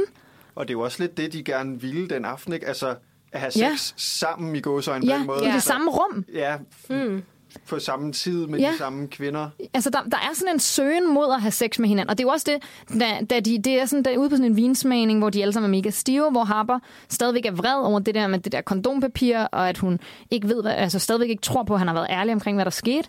Der, det er jo der, hvor hun begynder at stille de der spørgsmål. Har I nogensinde bollet den samme pige? Okay, har I nogensinde bollet den samme pige samtidig? Har I nogensinde haft en trekant? Og der er der Ethan til sidst bare sådan siger, Cameron har et strong case af mimetisk begær. Han begærer de kvinder, som jeg er interesseret i. Og hvis der er nogen, der har... Altså, nu læser jeg litteraturvidenskab og har læst noget Eve Sedgwick, som handler om sådan noget med homosociale relationer. Altså, sådan, det er jo sådan, man i, op igennem sådan, det 19. og 20. århundrede portrætterede homoerotiske relationer. Det var med de her forskydninger imellem, at mænd begærer den kvinde, en anden mand begærer, fordi han i virkeligheden begærer ham. Mm. Altså, der er en, en mand, der vil have en kvinde, og så den her mand, der er der en anden mand, der gerne, der gerne vil have den her mand, og så prøver han at få det tætteste, han kan få, og det er ved at få hans kvinde. Ikke? Og den sådan måde, hvor Cameron hele tiden prøver at, at forfølge Harper igennem fortællingen, er, er det jo også en måde at skille Ethan og Harper ad, sådan så han er tættere på Ethan, end Harper er. Men det sjove er også, man kan godt blive i tvivl om, de begge to har det på samme måde. Jamen, det tror jeg nemlig også. Det tror jeg. Cameron og Ethan, fordi at Ethan gider heller ikke være sammen Med med Harper. Nej. Og de er begge to altså sådan helt skulptureret, altså med muskler. øh, Cameron og, og Ethan, ikke? Ja, de er meget lækre. Men altså, Harper er jo også fucking lækker. Og Daphne er også... For, altså, sådan, det er bare sådan, de der fire mennesker er så flotte, at det sådan, giver vildt god mening, at de ender med bare sådan at bolle på kryds og tværs, fordi de er alle sammen enormt lækre. Jo, Ja. men jeg synes også, det der med den ligesom sports kropsfixering, der ligger i at træne sin krop til at være så lækker, er også sådan lidt, Homoerotisk. ja, lidt, at mm. man øh, godt kan lide at se mandekroppen på ja, den måde. Ja. Ja, ja, man ser jo Ethan hele tiden lave de der løbeture. Det er som om, han prøver at løbe et eller andet ud af kroppen. Ikke? Det er som om, der er noget, han prøver at stikke af fra. Hver morgen, så går han ud og løber. Mm. Og det er som om, at han er på flugt fra et eller andet. Og sådan, altså, jeg kan ikke se anden årsag til, at han overhovedet er taget med på den her ferie. Og han har lyst til, at han finder sig i alt, hvad Cameron gør. En en eller anden form for næsten erotisk magtforhold, eller sådan øh, afhængighedsforhold, og lyst til at komme tættere og tættere på hinanden. Ja, og det gør de jo så igennem Harper. På en Igennem ved at, Ja. ved at Cameron forfører Harper hele, Ja. hele serien igennem. Altså, det starter med det der med, at han smider bukserne Ja. ja. og nøgen for hende, men sådan, så begynder han der at være aftener, hvor han nusser hendes ben, Ja. mens de er ude at spise, og til sidst resulterer det jo så i, at der sker et eller andet imellem dem. Ethan ved, der er sket noget imellem dem, men han ved ikke hvad. Og han bliver sådan plaget af sådan nogle fantasier om, at de har sex med hinanden. Og der er det også, at jeg er sådan, men du nyder det også. Altså, du begærer også, at de har sex med hinanden. Du begærer ideen om, at de har sex med hinanden. Og det er jo også til allersidst det, der sætter gang i deres sexliv igen. Ja. Altså, Harper og Ethan får et sexliv igen via mere eller mindre, at Harper har været sammen med Cameron. Om de har knaldet, det, det er uvist. Serien afslører ikke præcis, hvad der er sket imellem dem. Hun siger, tilstår, at de har kysset, men ikke mere. Og det er ikke til at vide præcis, hvad der er sket. Men det er heller ikke så vigtigt, hvad der er sket, fordi det er tanken om, at de har været sammen, som både gør Ethan helt vildt vred, men også tænder ham. Mm. Altså, og tænder hans lyst til Harper igen. Ja, det er jo lidt det, altså, er han egentlig vred på Cameron eller på Harper? Altså, hvem er det, der sårer ham? ja, det er et godt spørgsmål. Ja, og hvem er det, der, altså, hvem er det han er jaloux på? Ja. Eller sådan, Ja, ikke? Ja. jo. Og i virkeligheden er det jo bare... Er der, er der også noget i, at han hele serien igennem, så vil han gerne være tæt på de her to mennesker. Det er de to mennesker, han gerne vil være tæt på. Og nu har de været tætte uden ham. Så det er også bare sådan en... Altså, det er også sådan en øh, øh, frygt for, at de, de mennesker, som jeg gerne vil knalde med, knaller uden at jeg er med. Eller sådan, mm. altså, der er sådan en, han, en søgen mod at være tæt på Cameron, øh, som er meget stærk. Og Cameron søger også på at være tæt på Ethan, og det er jo derfor, han knaller med Harper. Det, og det er jo det, hele det der mimetisk begær handler om. Men det, det får bare Ethan til at føle sig udenfor. Eller sådan, ikke?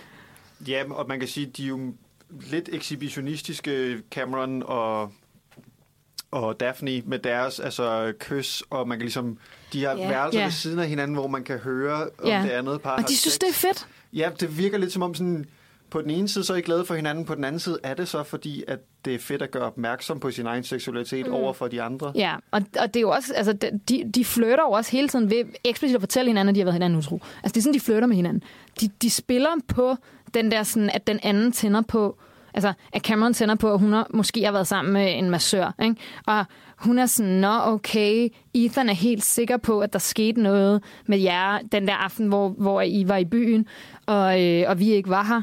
Øhm, og, han, og hun er sådan, gjort dig det? Og han er sådan, ja, jeg har været en virkelig bad boy, eller sådan, ikke? Og så bliver det sådan deres måde at sådan sextalke ved at fortælle de hinanden utro. Og det er mm. det, de tænder på. Altså sådan, så de tænder i virkeligheden meget mere på ideen om sex med alle andre end hinanden, og at den anden har sex med alle andre end hinanden, eller sådan, ikke?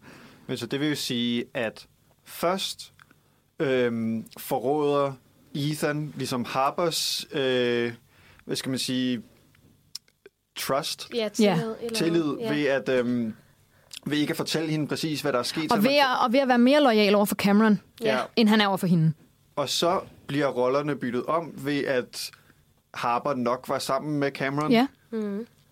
Og så til sidst så bliver det på en eller anden måde løst ved, at øh, Ethan måske var sammen med Daphne. Ja. Der er det der meget sådan smukke, symbolske shot, hvor at han kommer hen til Daphne og er sådan mega ked af det og vred, og sådan, åh, jeg tror, at Cameron og Harper har været sammen, og han er bare mega jaloux og sur. Og så er Daphne sådan mega sådan, meget sådan trøstende og moderlig, og sådan, Nå, men det skal du ikke tænke på, og du skal bare prøve ikke at være et offer. Og, altså sådan de der ting, hun også har sagt til Harper, men hun er bare så sådan afbalanceret, og hun har mm, altså sådan ikke rigtig et problem med det. Hun, man kan se, man ser hendes ansigt, og så er hun sådan, ja, yeah, det kommer ikke bag på mig. Og så er hun sådan, kom, walk with me. Og så går hun ud på sådan en ø, og ser man hende sådan gå ind i det der wilderness. Ja. Og så ham, der sådan langsomt går med ind efter hende, og det er sådan underligt sådan Edens have-agtigt. Sådan hun går ind i syndefaldet, og han skal ligesom vælge, om han går med ind i busken med hende. Og det er sådan, altså, sådan, det, øh, det øh, hindrer meget til, at de er sammen, ikke? Jo, helt Altså- klart, helt klart. Og, sådan, og, det, og det ved jeg ikke, om de er, men det er i hvert fald det, som sådan, det billede symbolsk siger. Og så vi talt lidt om, sådan, inden vi begyndte at optage, sådan, hvorfor har de egentlig lyst til at være sammen med hinanden? Og jeg tror simpelthen bare, at Daphne er sådan, Nå, men Ethan er lidt ked af det. Tror du ikke, jeg, jeg, jeg tror da godt, jeg kunne gøre noget for at få, at han fik det bedre-agtigt. Jamen, og jeg vil ikke kinkshame nogen, men det var bare sådan en... Jeg var, havde virkelig svært ved sådan at forstå, hvad det frække ved det var. Ja. Jamen, jeg tror for hende er det bare sådan lidt... At, at, altså, er det bare sådan... Er lidt, Det er en lidt plaster sådan, på såret, føler jeg. Jamen, det er ikke for hende. For ham er det et plaster ham- på såret. for ham, ja, for ham er ja, ja. det 100% sådan en... Øhm, Nå, men hvis de har gjort det, så vil, jeg, så vil jeg også bare gøre det. Og så sådan... Og så sådan, er vi kvitt, eller sådan, ikke? Mm. Og selvom han jo startede med at forråde hende, så sådan, det betyder bare, at han fører. Altså sådan, jeg synes, han er lidt urimelig der. Men, men, men, men jeg tror helt sikkert, at han gør det af sådan en stolthedsting, ikke? Men hvor det virker som om, at Daphne bare sådan... Jeg tror bare, hun er sådan lidt live and let live. Altså sådan, Ja. hun, er sådan, hun er sådan YOLO på sådan en meget sådan spirituel øh, Gwyneth Paltrow-agtig måde. Og hun er bare sådan, Nå, så... Vi kan da også gøre det, Ethan, hvis det er det, du gerne vil. Altså, det er, sådan, det er næsten moderligt. Og jeg kan godt forstå, at du så tænker sådan, det er ikke så det er sexet. Det virker ikke, som om de flytter. Men sådan, jeg føler også bare, at sådan, at, at, at hun bare er sådan, Nå, men hvis det kan hjælpe ham nu, så lad os da bare gøre det. Måske er det fordi, at det sker lige efter, at Ethan ikke kan tage mere af den her tanke om, at Cameron var sammen med Harper, og ligesom går ud for at smadre Cameron Ja. i havet, og det er helt vildt seksuelt. Ja, Hvor Det er de- meget voldsomt, ja. De er sådan... De to havmænd, der Ja. kæmper. Ja, og han, de sådan prøver at kvæle hinanden ned under vandet. Og vi ja. er jo i det sidste afsnit, så der, man kunne også være sådan, folk sidder og tænker, hvem er det, der dør i det her Ja. afsnit? Er det en af dem, der dør nu? Øh, det var det jo så ikke, men, Nej, sådan, men... men- sådan, det er meget seksuelt. Det er næsten som om, altså sådan, man forventer næsten, at de vil kysse, men det gør de ikke.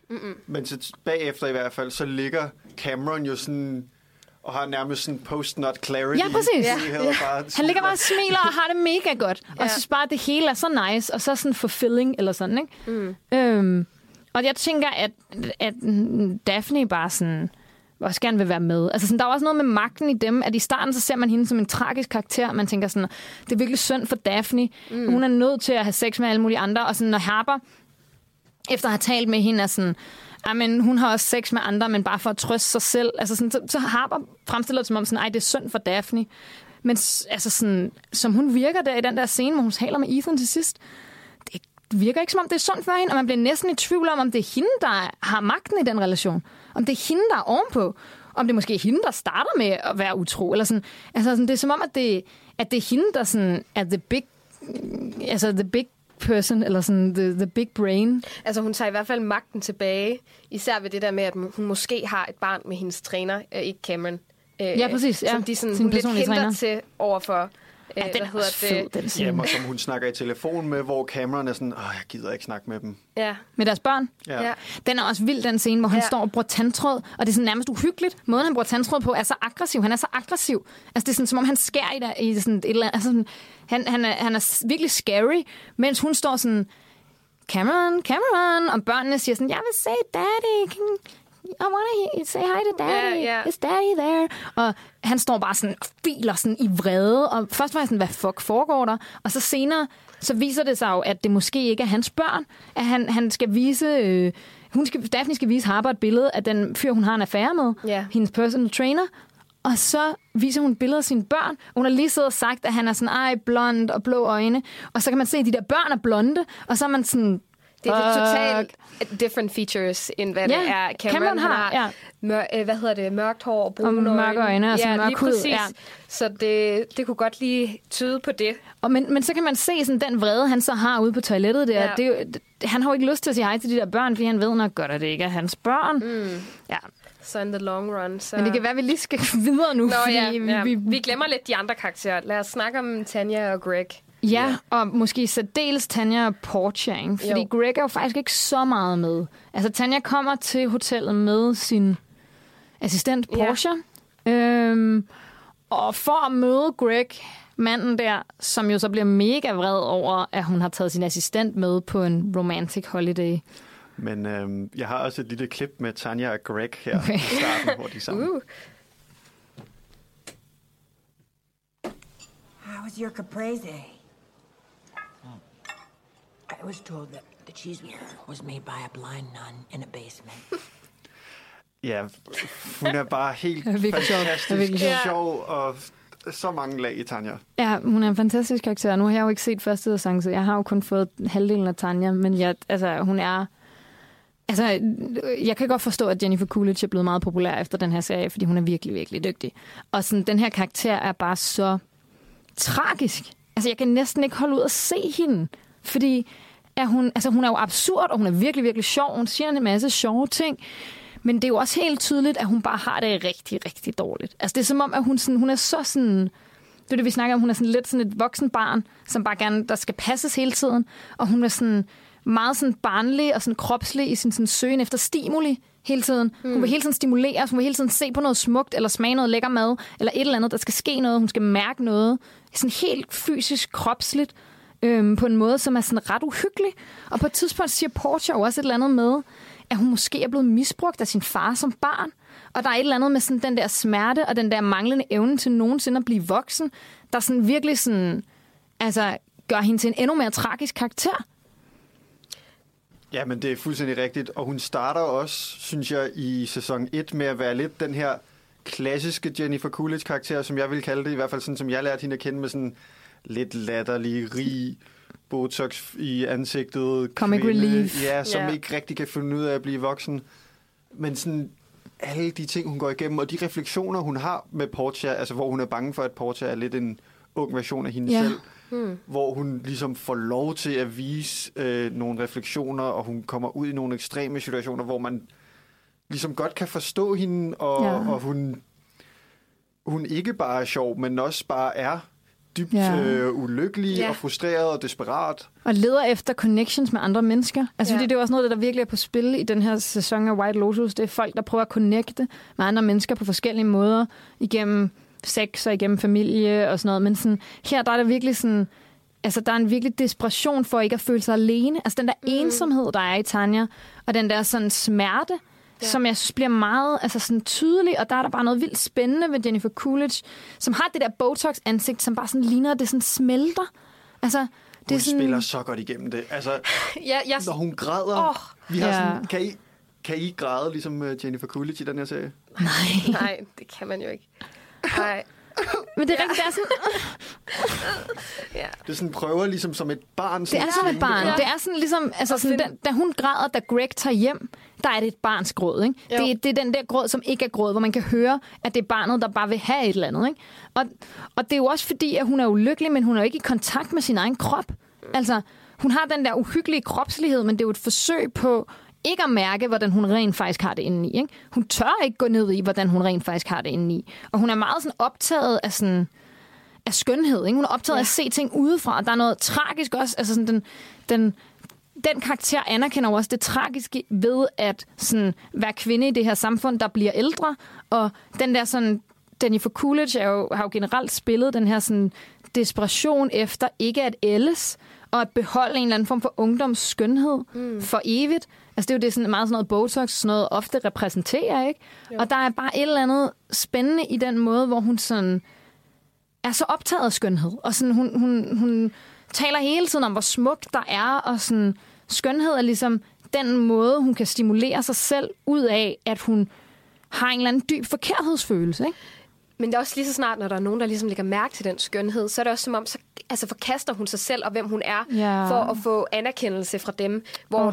det, det er jo det, der sker, når hun møder de her gays på hotellet. Ja. At de ligesom får øje på noget skønhed ved hende, og så giver hun afkast på de refleksioner, hun har, og så skal hun bare ud og være skøn og smuk sammen med dem. Ja, og Øh, det er så forfærdeligt, ikke? fordi jo. de rammer hende lige der, hvor at, at hun er mest følsom. Ikke? De, ser, altså, de ser, at det, hun har brug for at høre, det er, at hun besidder en eller anden form for skønhed. Og det er jo det gamle Greg-trick fra sæson 1, Ja. som øh, han nok har givet videre. Ja, til de her... Ja, øh, som, som, hvad er det, han hedder? Hvad hedder han, ham, lederen af dem? Han hedder sådan noget Åh. Quentin måske? Ja, han hedder Quentin, det gør Ej. han. Ja. Jeg har researchet, jeg har ja. virkelig øvet mig på de her Ej, navne, er inden vi gik i gang. Ja. Der er mange navne i den her serie. men øh, men altså, det er jo sådan en gruppe af homoseksuelle mænd. Det er især primært fire homoseksuelle mænd, og så den ene af dem, Quintons nevø, som jo så viser sig ikke at være hans nevø. Nej, ikke? Men som er Quinton Jack, er britte, der- og har en, en ung fyr med, der hedder Jack. Mm. Øhm, og så er der øh, øh, er, de, er de ligesom to homoseksuelle par, som approacher Tanja på restauranten, på, øh, øh, øh, på The White Lotus, og siger sådan, ej, endelig en chic kvinde. Ja. Øh, og sådan, ej, hvor er det fedt at møde dig. Og de sådan, giver hende lige præcis det, hun har brug for. Og de lukker hende ind i deres sådan, kreds, og de inviterer hende med ud og laver alle mulige fede ting og fester. Og de, sådan, altså, de skaffer også en eller anden random dude, hun kan have sex med, som i virkeligheden er drug dealer, og som også har ties to the mafia. Og sådan Ja. Altså, det er sådan helt... Øh, øhm, Crazy. og hun er bare så nemt et offer, fordi hun bare er så fortabt allerede. Altså, mm. Og det er bare så synd, fordi det viser sig jo, at de her gays, de er der for at slå hende ihjel.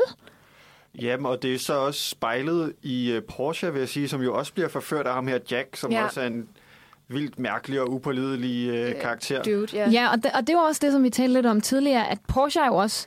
Altså, Porsche øh, fungerer jo som en, som en, også en version af Jennifer Coolidge's karakter. Altså ja. sådan mindre rig, yngre, øh, dårligere tøj, men sådan stadigvæk, de spejler også hinanden med de der mærkelige outfits, de har gr- grimt farverigt tøj på begge to.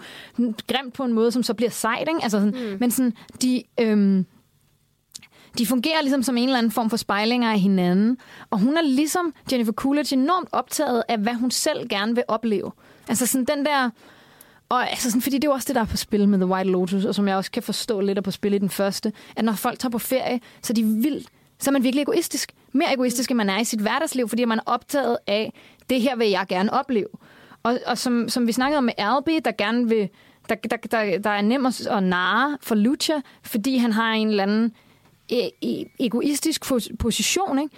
Det samme med Porsche. Hun vil bare gerne have et eventyr, så det er vildt nemt for ham der Jack at trække hende med ud på nogle gader og stræder og løbe fra regningen et eller andet sted for noget, der ellers kun koster en dollar. Og, altså sådan, at give hende en følelse af sådan, uh, der sker noget spændende, som jo er netop det, hun har siddet og bedt om de første par afsnit igennem. Sådan, ej, you can't get lost anymore. Altså hun er sådan, hun er meget ulykkelig og meget selvmedlidenhed. Ikke? Hun er sådan, ej, jeg kan aldrig få lov at opleve noget, fordi at min chef er så unfair, og granted, Jennifer Coolidge, Tanja, er fucking unfair over for Porsche, men sådan, så synd er det jo heller ikke for dig, Porsche. Altså, Men det er også lidt som om, at øh, hvad hedder det, Jennifer Coolidge karakter sådan ligesom skubber hende på vej på en eller anden måde, og prøver at...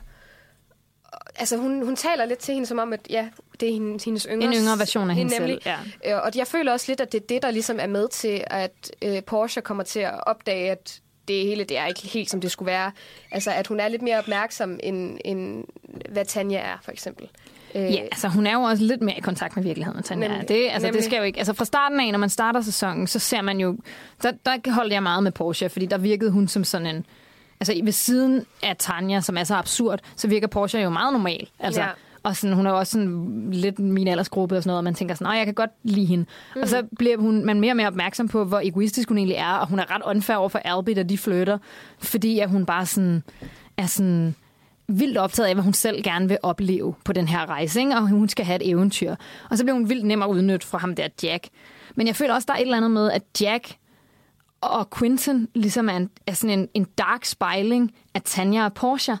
Altså, fordi det viser sig jo, at Jack ikke er Quintins nevø, Mm-mm. men at de sådan, der er sådan en uhyggelig scene, hvor at Tanja om natten står op om natten og kan høre nogle lyde, og så viser det sig at være Quentin og Jack, der boller. Og hun ligesom tror på det tidspunkt, at de er en familie, ikke? så hun er sådan virkelig øhm, forarvet og frastødt af at se det her. Mm. Og der er sådan... Altså, den, det der med, at sådan, Porsche også bare bliver sådan en forlængelse af Tanja, og sådan skal, skal gøre alt, hvad hun beder hende om, og ligesom bare bliver sådan en, sådan en, ja, sådan en, Tanjas arm. Mm. Det er jo lidt det samme, Jack er for Quentin. At han er også sådan en, der bare... Altså, det viser sig jo, hele den sådan, romance, der er mellem Jack og Porsche, jo bare er en afledningsmanøvre. Ja. Som Jack har skulle aflede Porsches opmærksomhed, så de kunne slå Tanja ihjel, ikke? Jo. Jeg synes også, de alle fire på en måde ligesom er fanget af pengene. Ja, Ja. Altså, Præcis. øhm, Tanja og Porsche kan, vil gerne have en oplevelse, de ikke kan købe. ja, De vil have et eller andet autentisk ja. øh, mm. eventyr, som man kan kalde det. Og Ja. de andre har brug for penge, Ja. og alt, hvad de gør, er for penge. Ja, ja. Mm. Og de ved jo så, at det eneste, de her rige mennesker gerne vil have, det er noget, de ikke kan købe. Ja. Ja. Og det er også, altså sådan, der er også det der spil i, hvorfor bliver Porsche i det job der? Fordi hun siger jo til over telefonen til sin veninde, eller jeg kan ikke huske, hvem det er, hun taler med, og hun siger, jeg tror også, hun siger det til Albi der i starten, Hvorfor, de spørger, hvorfor siger du ikke op? Og hun er sådan, ah, men she needs me. Men man er sådan, er, du der, er det egentlig derfor, du er der, eller er det for pengene? Mm. Og det er lidt, altså, der er lidt det samme på spil, ikke? Med Jack og Quinton, hvor det er sådan, ah, men det er min onkel, men i virkeligheden er det penge, det handler om. 100 procent. Og det, det er bare det, det er udelukkende en magtrelation. Der er ikke den der emotionelle, personlige relation, som det ligesom lader på overfladen, som om der er, for at få, for at få penge til at se pænere ud. Altså, det, og det er lidt det samme, jeg føler, at Porsche er gang i, ikke med Tanja. Hun siger sådan, nej, men hun, hun er også virkelig sad, og hun kan ikke klare sig uden mig. Men når Tanja så virkelig er sårbar, så er Porsche jo ikke særlig god til at spotte det og hjælpe hende. Rent faktisk, give hende det emotionelt, som Tanja jo hele tiden skriger på som et lille barn. Ikke? Sådan, giv mig noget em- emotionel op- opmærksomhed, giv mig noget omsorg. Altså, og det giver Porsche hende jo ikke. Men det er, hun er vel trods alt også ansat. Ja. Altså som en eller anden form for praktisk assistent. Ja, det er også sådan begrænset, hvad man kan Ja, gøre. det er ikke hendes job. Det Nej, er nej, ikke, fordi nej. man kan, man kan kræve det af hende. Det viser bare også, at det ikke er derfor, hun bliver der. Nej, altså når hun påstår, at grunden til, at hun bliver i det job, er fordi, at det er synd for Tanja, så tror jeg bare ikke rigtigt på det. Nej. Nej, nej, nej, selvfølgelig ikke. Men måske er hun da også bare lidt for oplevelsen, fordi hun synes... Altså, Ja. ja, måske er det det. Who knows?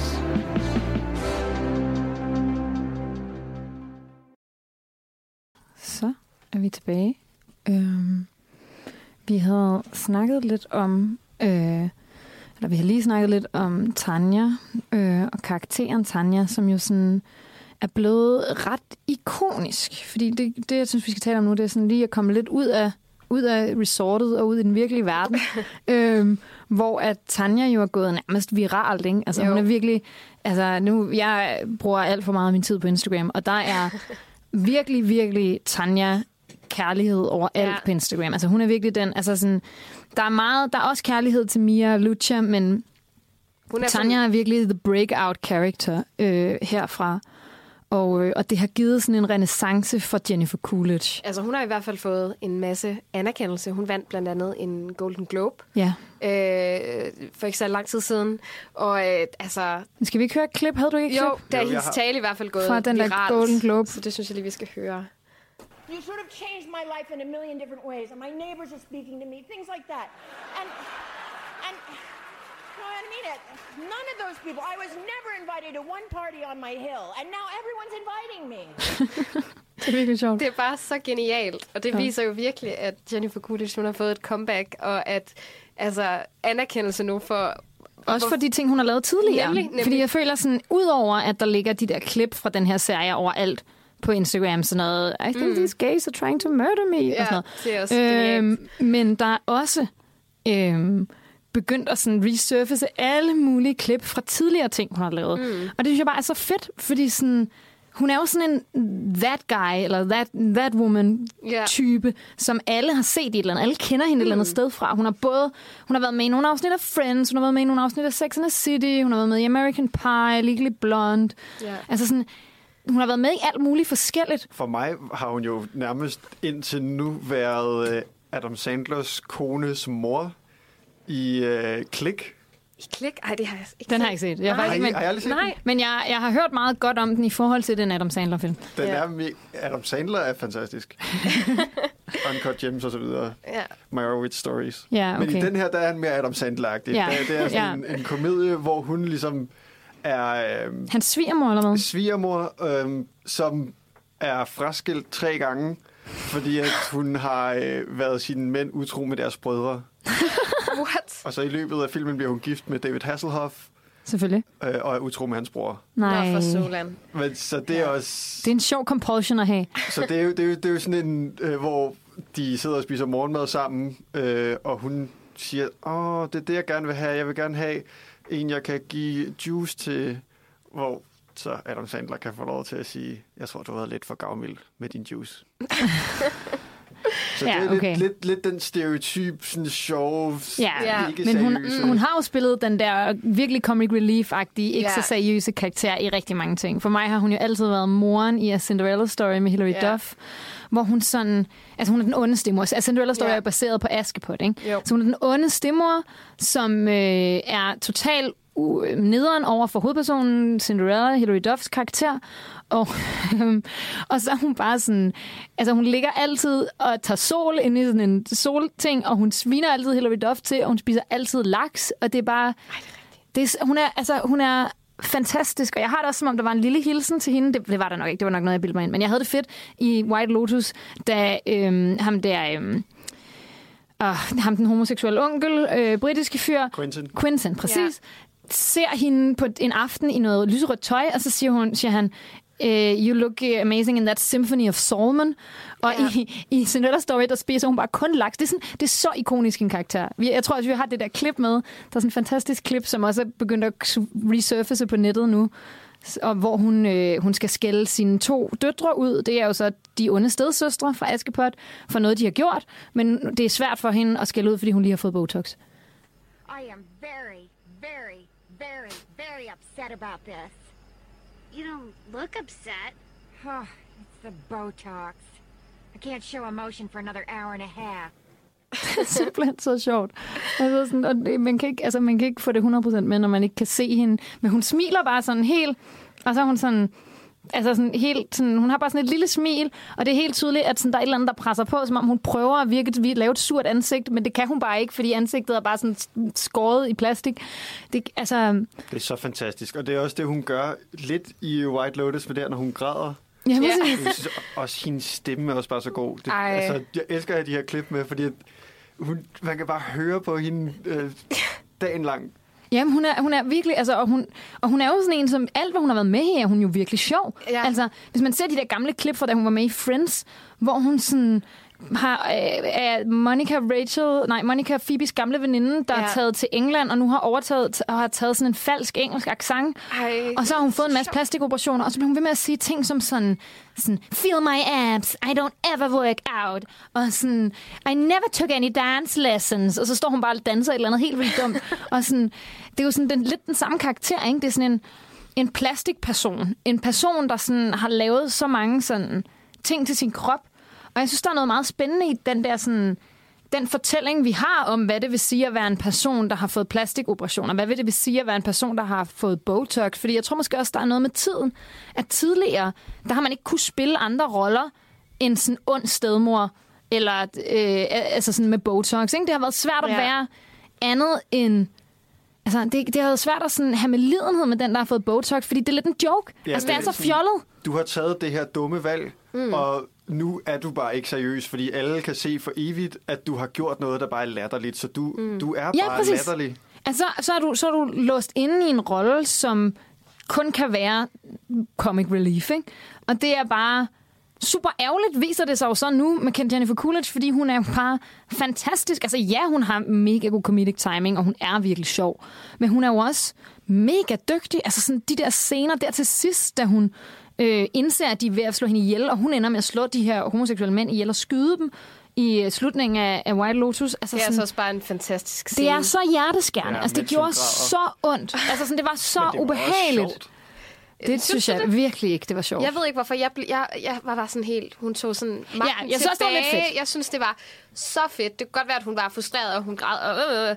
Men altså, jeg synes jo, det, det mest frygtelige ved det var, at det, hun ligesom selv er skyld i hendes død. Eller sådan, ja. at man sådan lige når Og på det den... synes jeg faktisk var lidt unfair. Altså, Ja, det, det synes jeg faktisk jeg godt også. sige. Jeg blev, jeg blev simpelthen så Ja, bitter det synes af jeg at se faktisk. det, fordi at, så har hun lige gået igennem alt det her, og lige slået alle de her gays ihjel, og det er bare, altså man er sådan helt, woo! Og så ender det bare med, at hun falder i. Altså, Men også fordi, åh. så blev hun fjollet igen, ikke? Jo, Ej, det hun er kan om, ikke engang finde lige. ud af at hoppe ned i en redningsbåd. Og, og man sidder og tænker, hvorfor tager du ikke dine fucking stiletter af, inden du prøver at hoppe ud fra en båd? Altså ja. sådan, og det er bare lidt ærgerligt, fordi jeg synes netop, der var noget fedt i, at hun fik lov at blive seriøs. Mm. Altså, de tog hende seriøst, og de tog hendes karakter seriøst. Og det var ikke bare hende, der var sådan var absurd og crazy. Altså sådan de der øh, medarbejdere på hotellet, når de taler om hende, så siger de, find noget kage til The Crazy Lady. Altså, hun, det er ikke hende, der er crazy. Hun er faktisk ret. De prøver faktisk at slå hende ihjel. Mm. Altså, hun får sådan sin uprising i, at sådan, nej, hun er faktisk en seriøs karakter, og hun er faktisk en seriøst altså, tragisk heldinde. Hun bliver også sammenlignet med de her sådan, opera, opera heldinder, ikke? Ja, som jo, jo, også altid ender med at skulle dø. Og så synes jeg bare, det er så latterligt, at hun så skal dø på en fjollet måde. Ja, altså, jeg var sådan, rigtigt det er bare, det, det øh, gør bare sådan, det ødelægger bare, altså jeg, jeg synes, det giver god mening, at hun skulle dø. Jeg synes, hun er også sådan en karakter, der hele tiden har været tragisk. Den har hele tiden været sådan, ikke i stand til at leve i den her verden. Altså, det var sådan, det var uholdbart. Det var ikke bæredygtigt, at hun eksisterede og var levende i verden, fordi hun kunne ikke finde ud af det. Men det var bare den forkerte måde at dø på, synes jeg. Ja. Også fordi, så får hun lige pludselig så meget medvind, og så går det bare galt, ikke?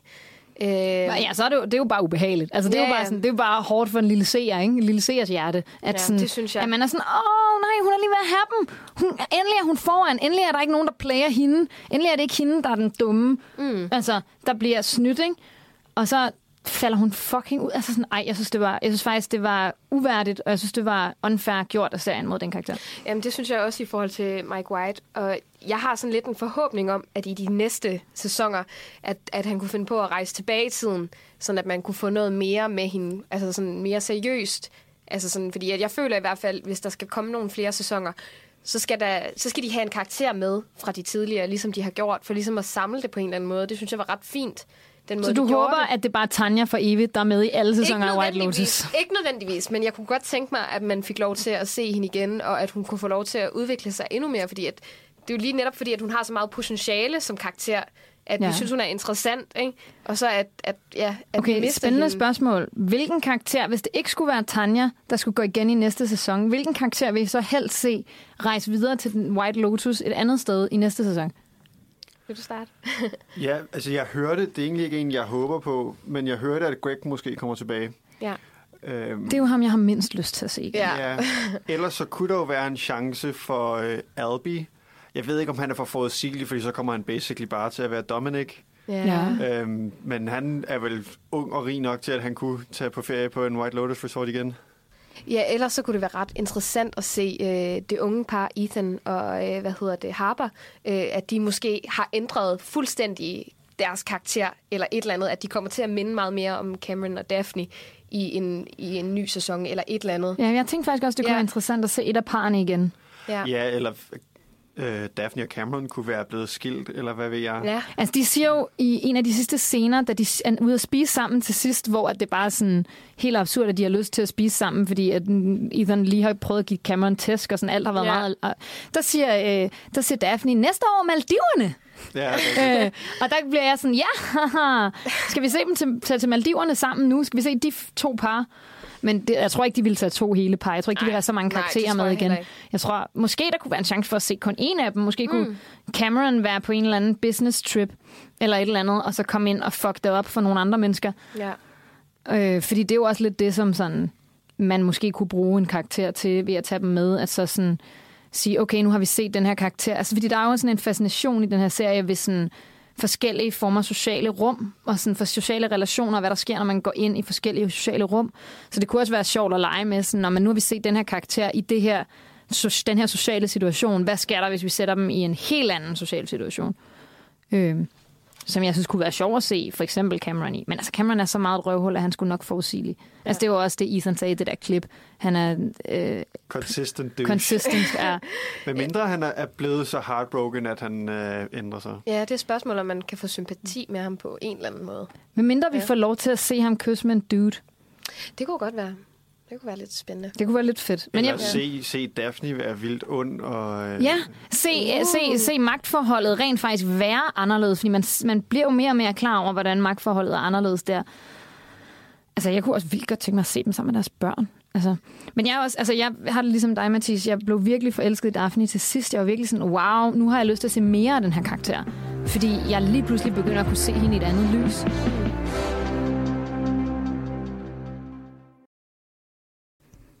Så har vi været lidt rundt om The White Lotus, og der var virkelig meget at snakke om, synes jeg. Virkelig mange spændende ting, og nu har vi også sådan peget lidt fremad og snakket om, hvad vi godt kunne tænke os at se i fremtiden. Altså sådan, vi nu, øh, mens øh, vi lige holdt pause, der talte vi også en lille smule om, sådan, hvor vi godt kunne tænke os at se dem tage hen. Ja.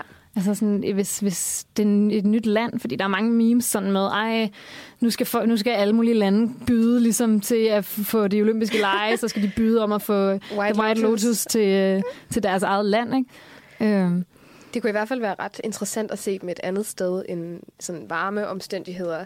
Jeg snakkede lige om Island. Jeg synes, det kunne være lidt fedt. Ja, det kunne også være lidt sjovt. Der er også, noget, øh, der er også meget natur, ikke? fordi det, de bruger jo også meget naturen som sådan et billede som symbol på de ting, der sker inde i personerne. Mm. Ikke? Sådan vild natur, de der bølger, der slår ind mod bredden og bruser op og sådan noget. Ja. Der er også virkelig nogle naturbilleder i, i Island, som kunne være fede. Ja, ja eller på sådan en safari.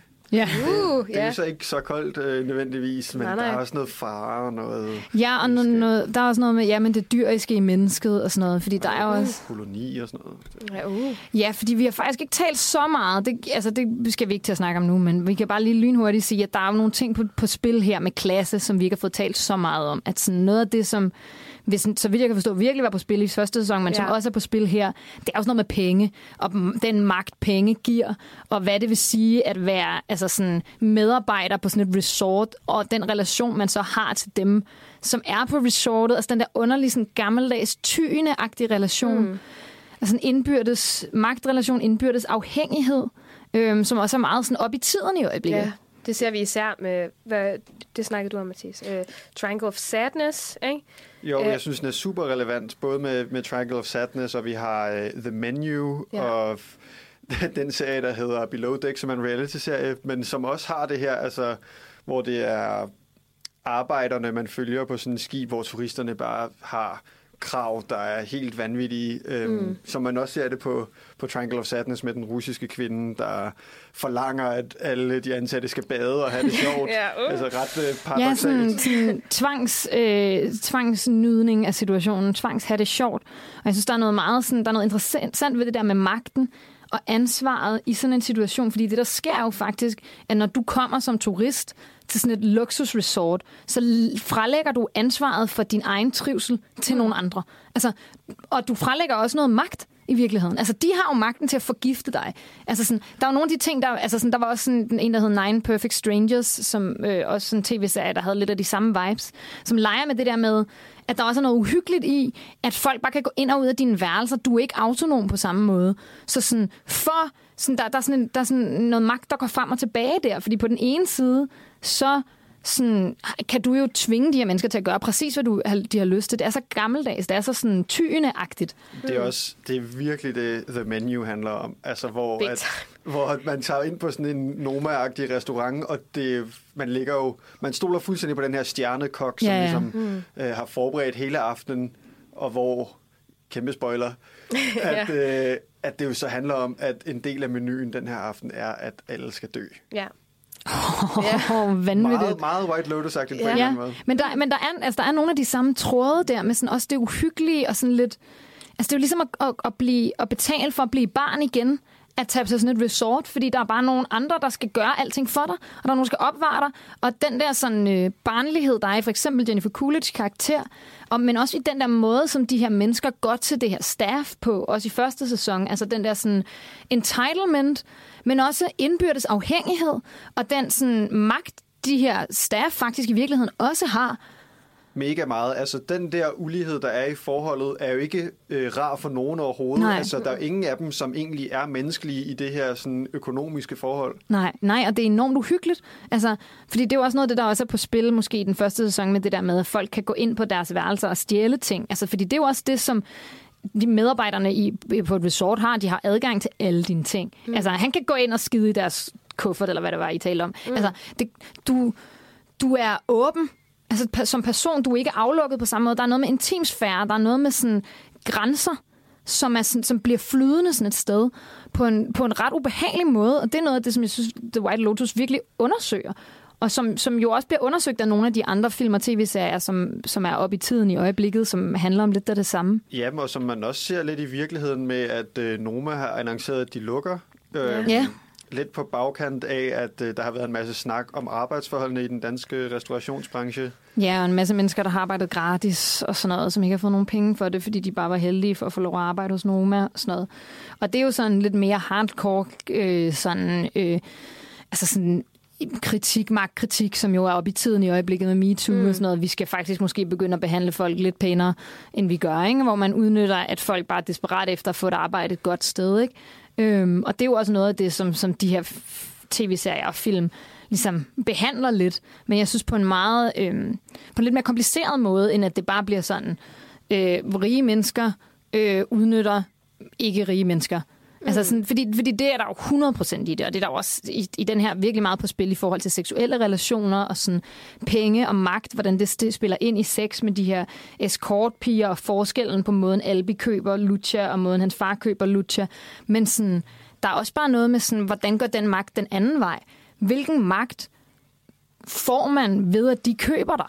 Altså, hvilken magt har, er, er, altså er der, og hvor grænseoverskridende er det lige, den der klaustrofobi, som Tanja får, når hun opdager, at sådan, hun er på besøg, og de opvarter hende fuldstændig, og lige pludselig går det op for hende, at alt kunne være farligt. Altså når de trækker, rykker det der glas vin hen på hende på bordet, så hun sådan, altså så zoomer de ind på det der glas vin, og det er sådan, det der kunne være gift i det.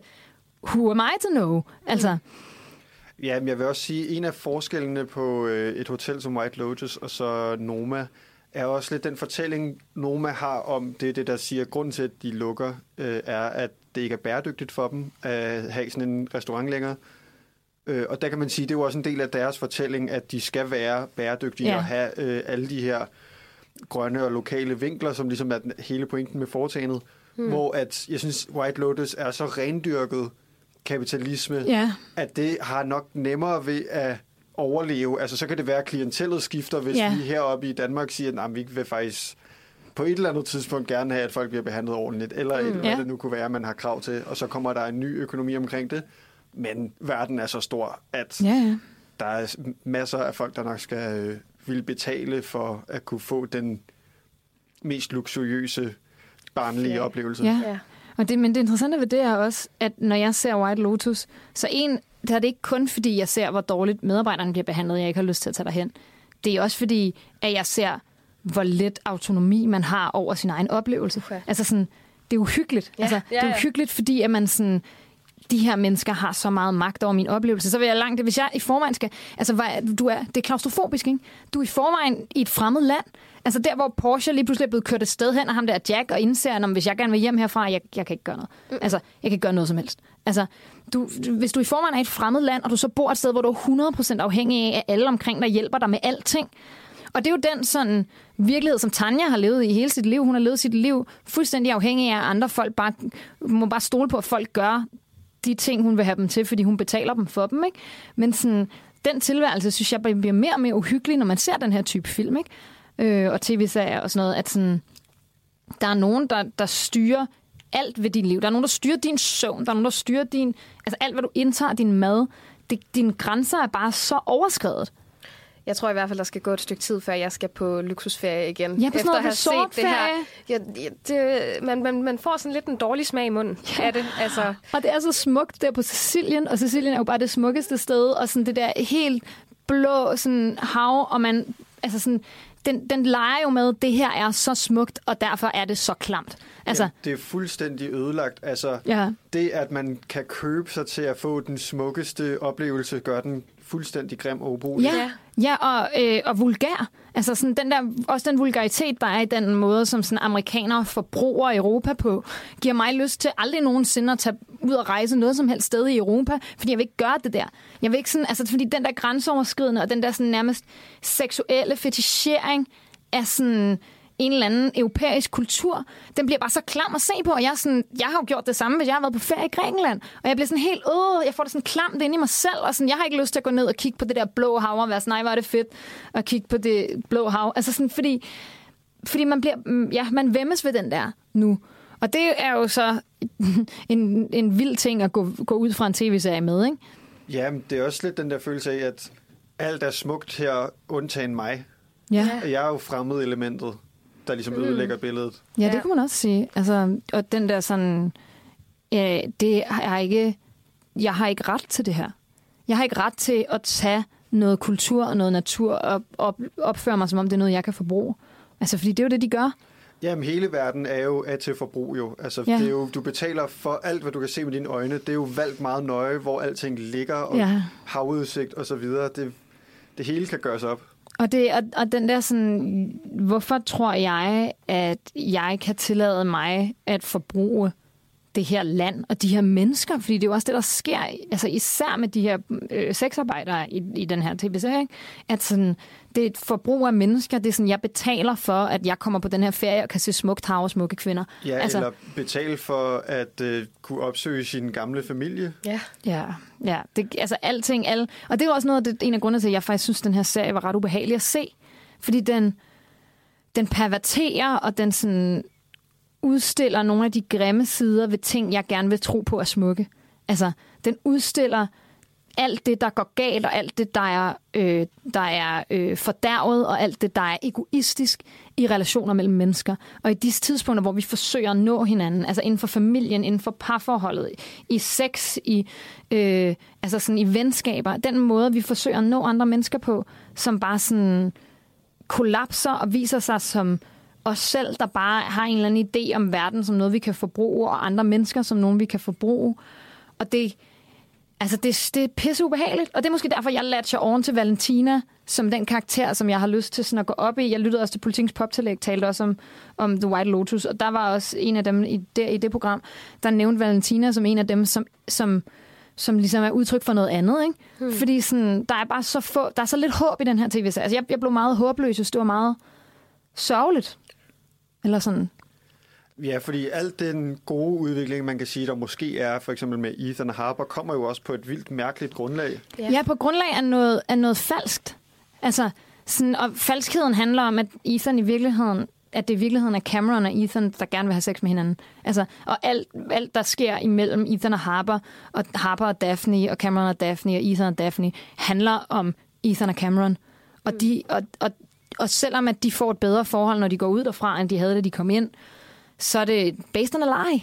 Altså, og, og ja, jeg synes, jeg synes, det var lidt hårdt at se den her serie. Jeg synes, det er vildt spændende at tale om, jeg synes, det er en virkelig god serie. Men jeg synes godt nok, altså det sled på mig, eller sådan. Hmm. Jeg synes, det gør det helt sikkert meget mere spiseligt og anbefalesværdigt, at den er så sjov. Ja, netop. Ja. Gør noget komisk ud af en frygtelig situation. Altså, ikke? Og jeg, jeg... Det er meget dansk på en eller anden Ja, måde. det er. Haha, vi har det dårligt. Ja. Men den, den sætter i hvert fald nogle tanker i gang, ja, og jeg synes det gør også, den det er derfor, den er så interessant, som den Og det er også derfor, vi har kunne bruge så sindssygt lang tid på at tale om den, som ja. Vi har gjort i dag. Og nu tror jeg måske også, at vi er ved at være færdige. Men jeg synes, det har været øh, mega spændende hmm. øh, at snakke med jer om den her serie. Jeg synes også, det har været vildt spændende at høre om første sæson, som jeg jo ikke havde set. Hmm. Øhm, jeg ved ikke, om der er noget, I vil sige helt på falderæbet, eller noget, I sådan, øh, ligger inde med. Tak for i dag. Ja, tak for i dag. Øhm, I kan lytte til det her på øh, jeres podcast-app, eller inde på nosferadio.dk, og så kan I følge øh, Nosferatu, filmmagasinet Nosferatu på Facebook og Instagram.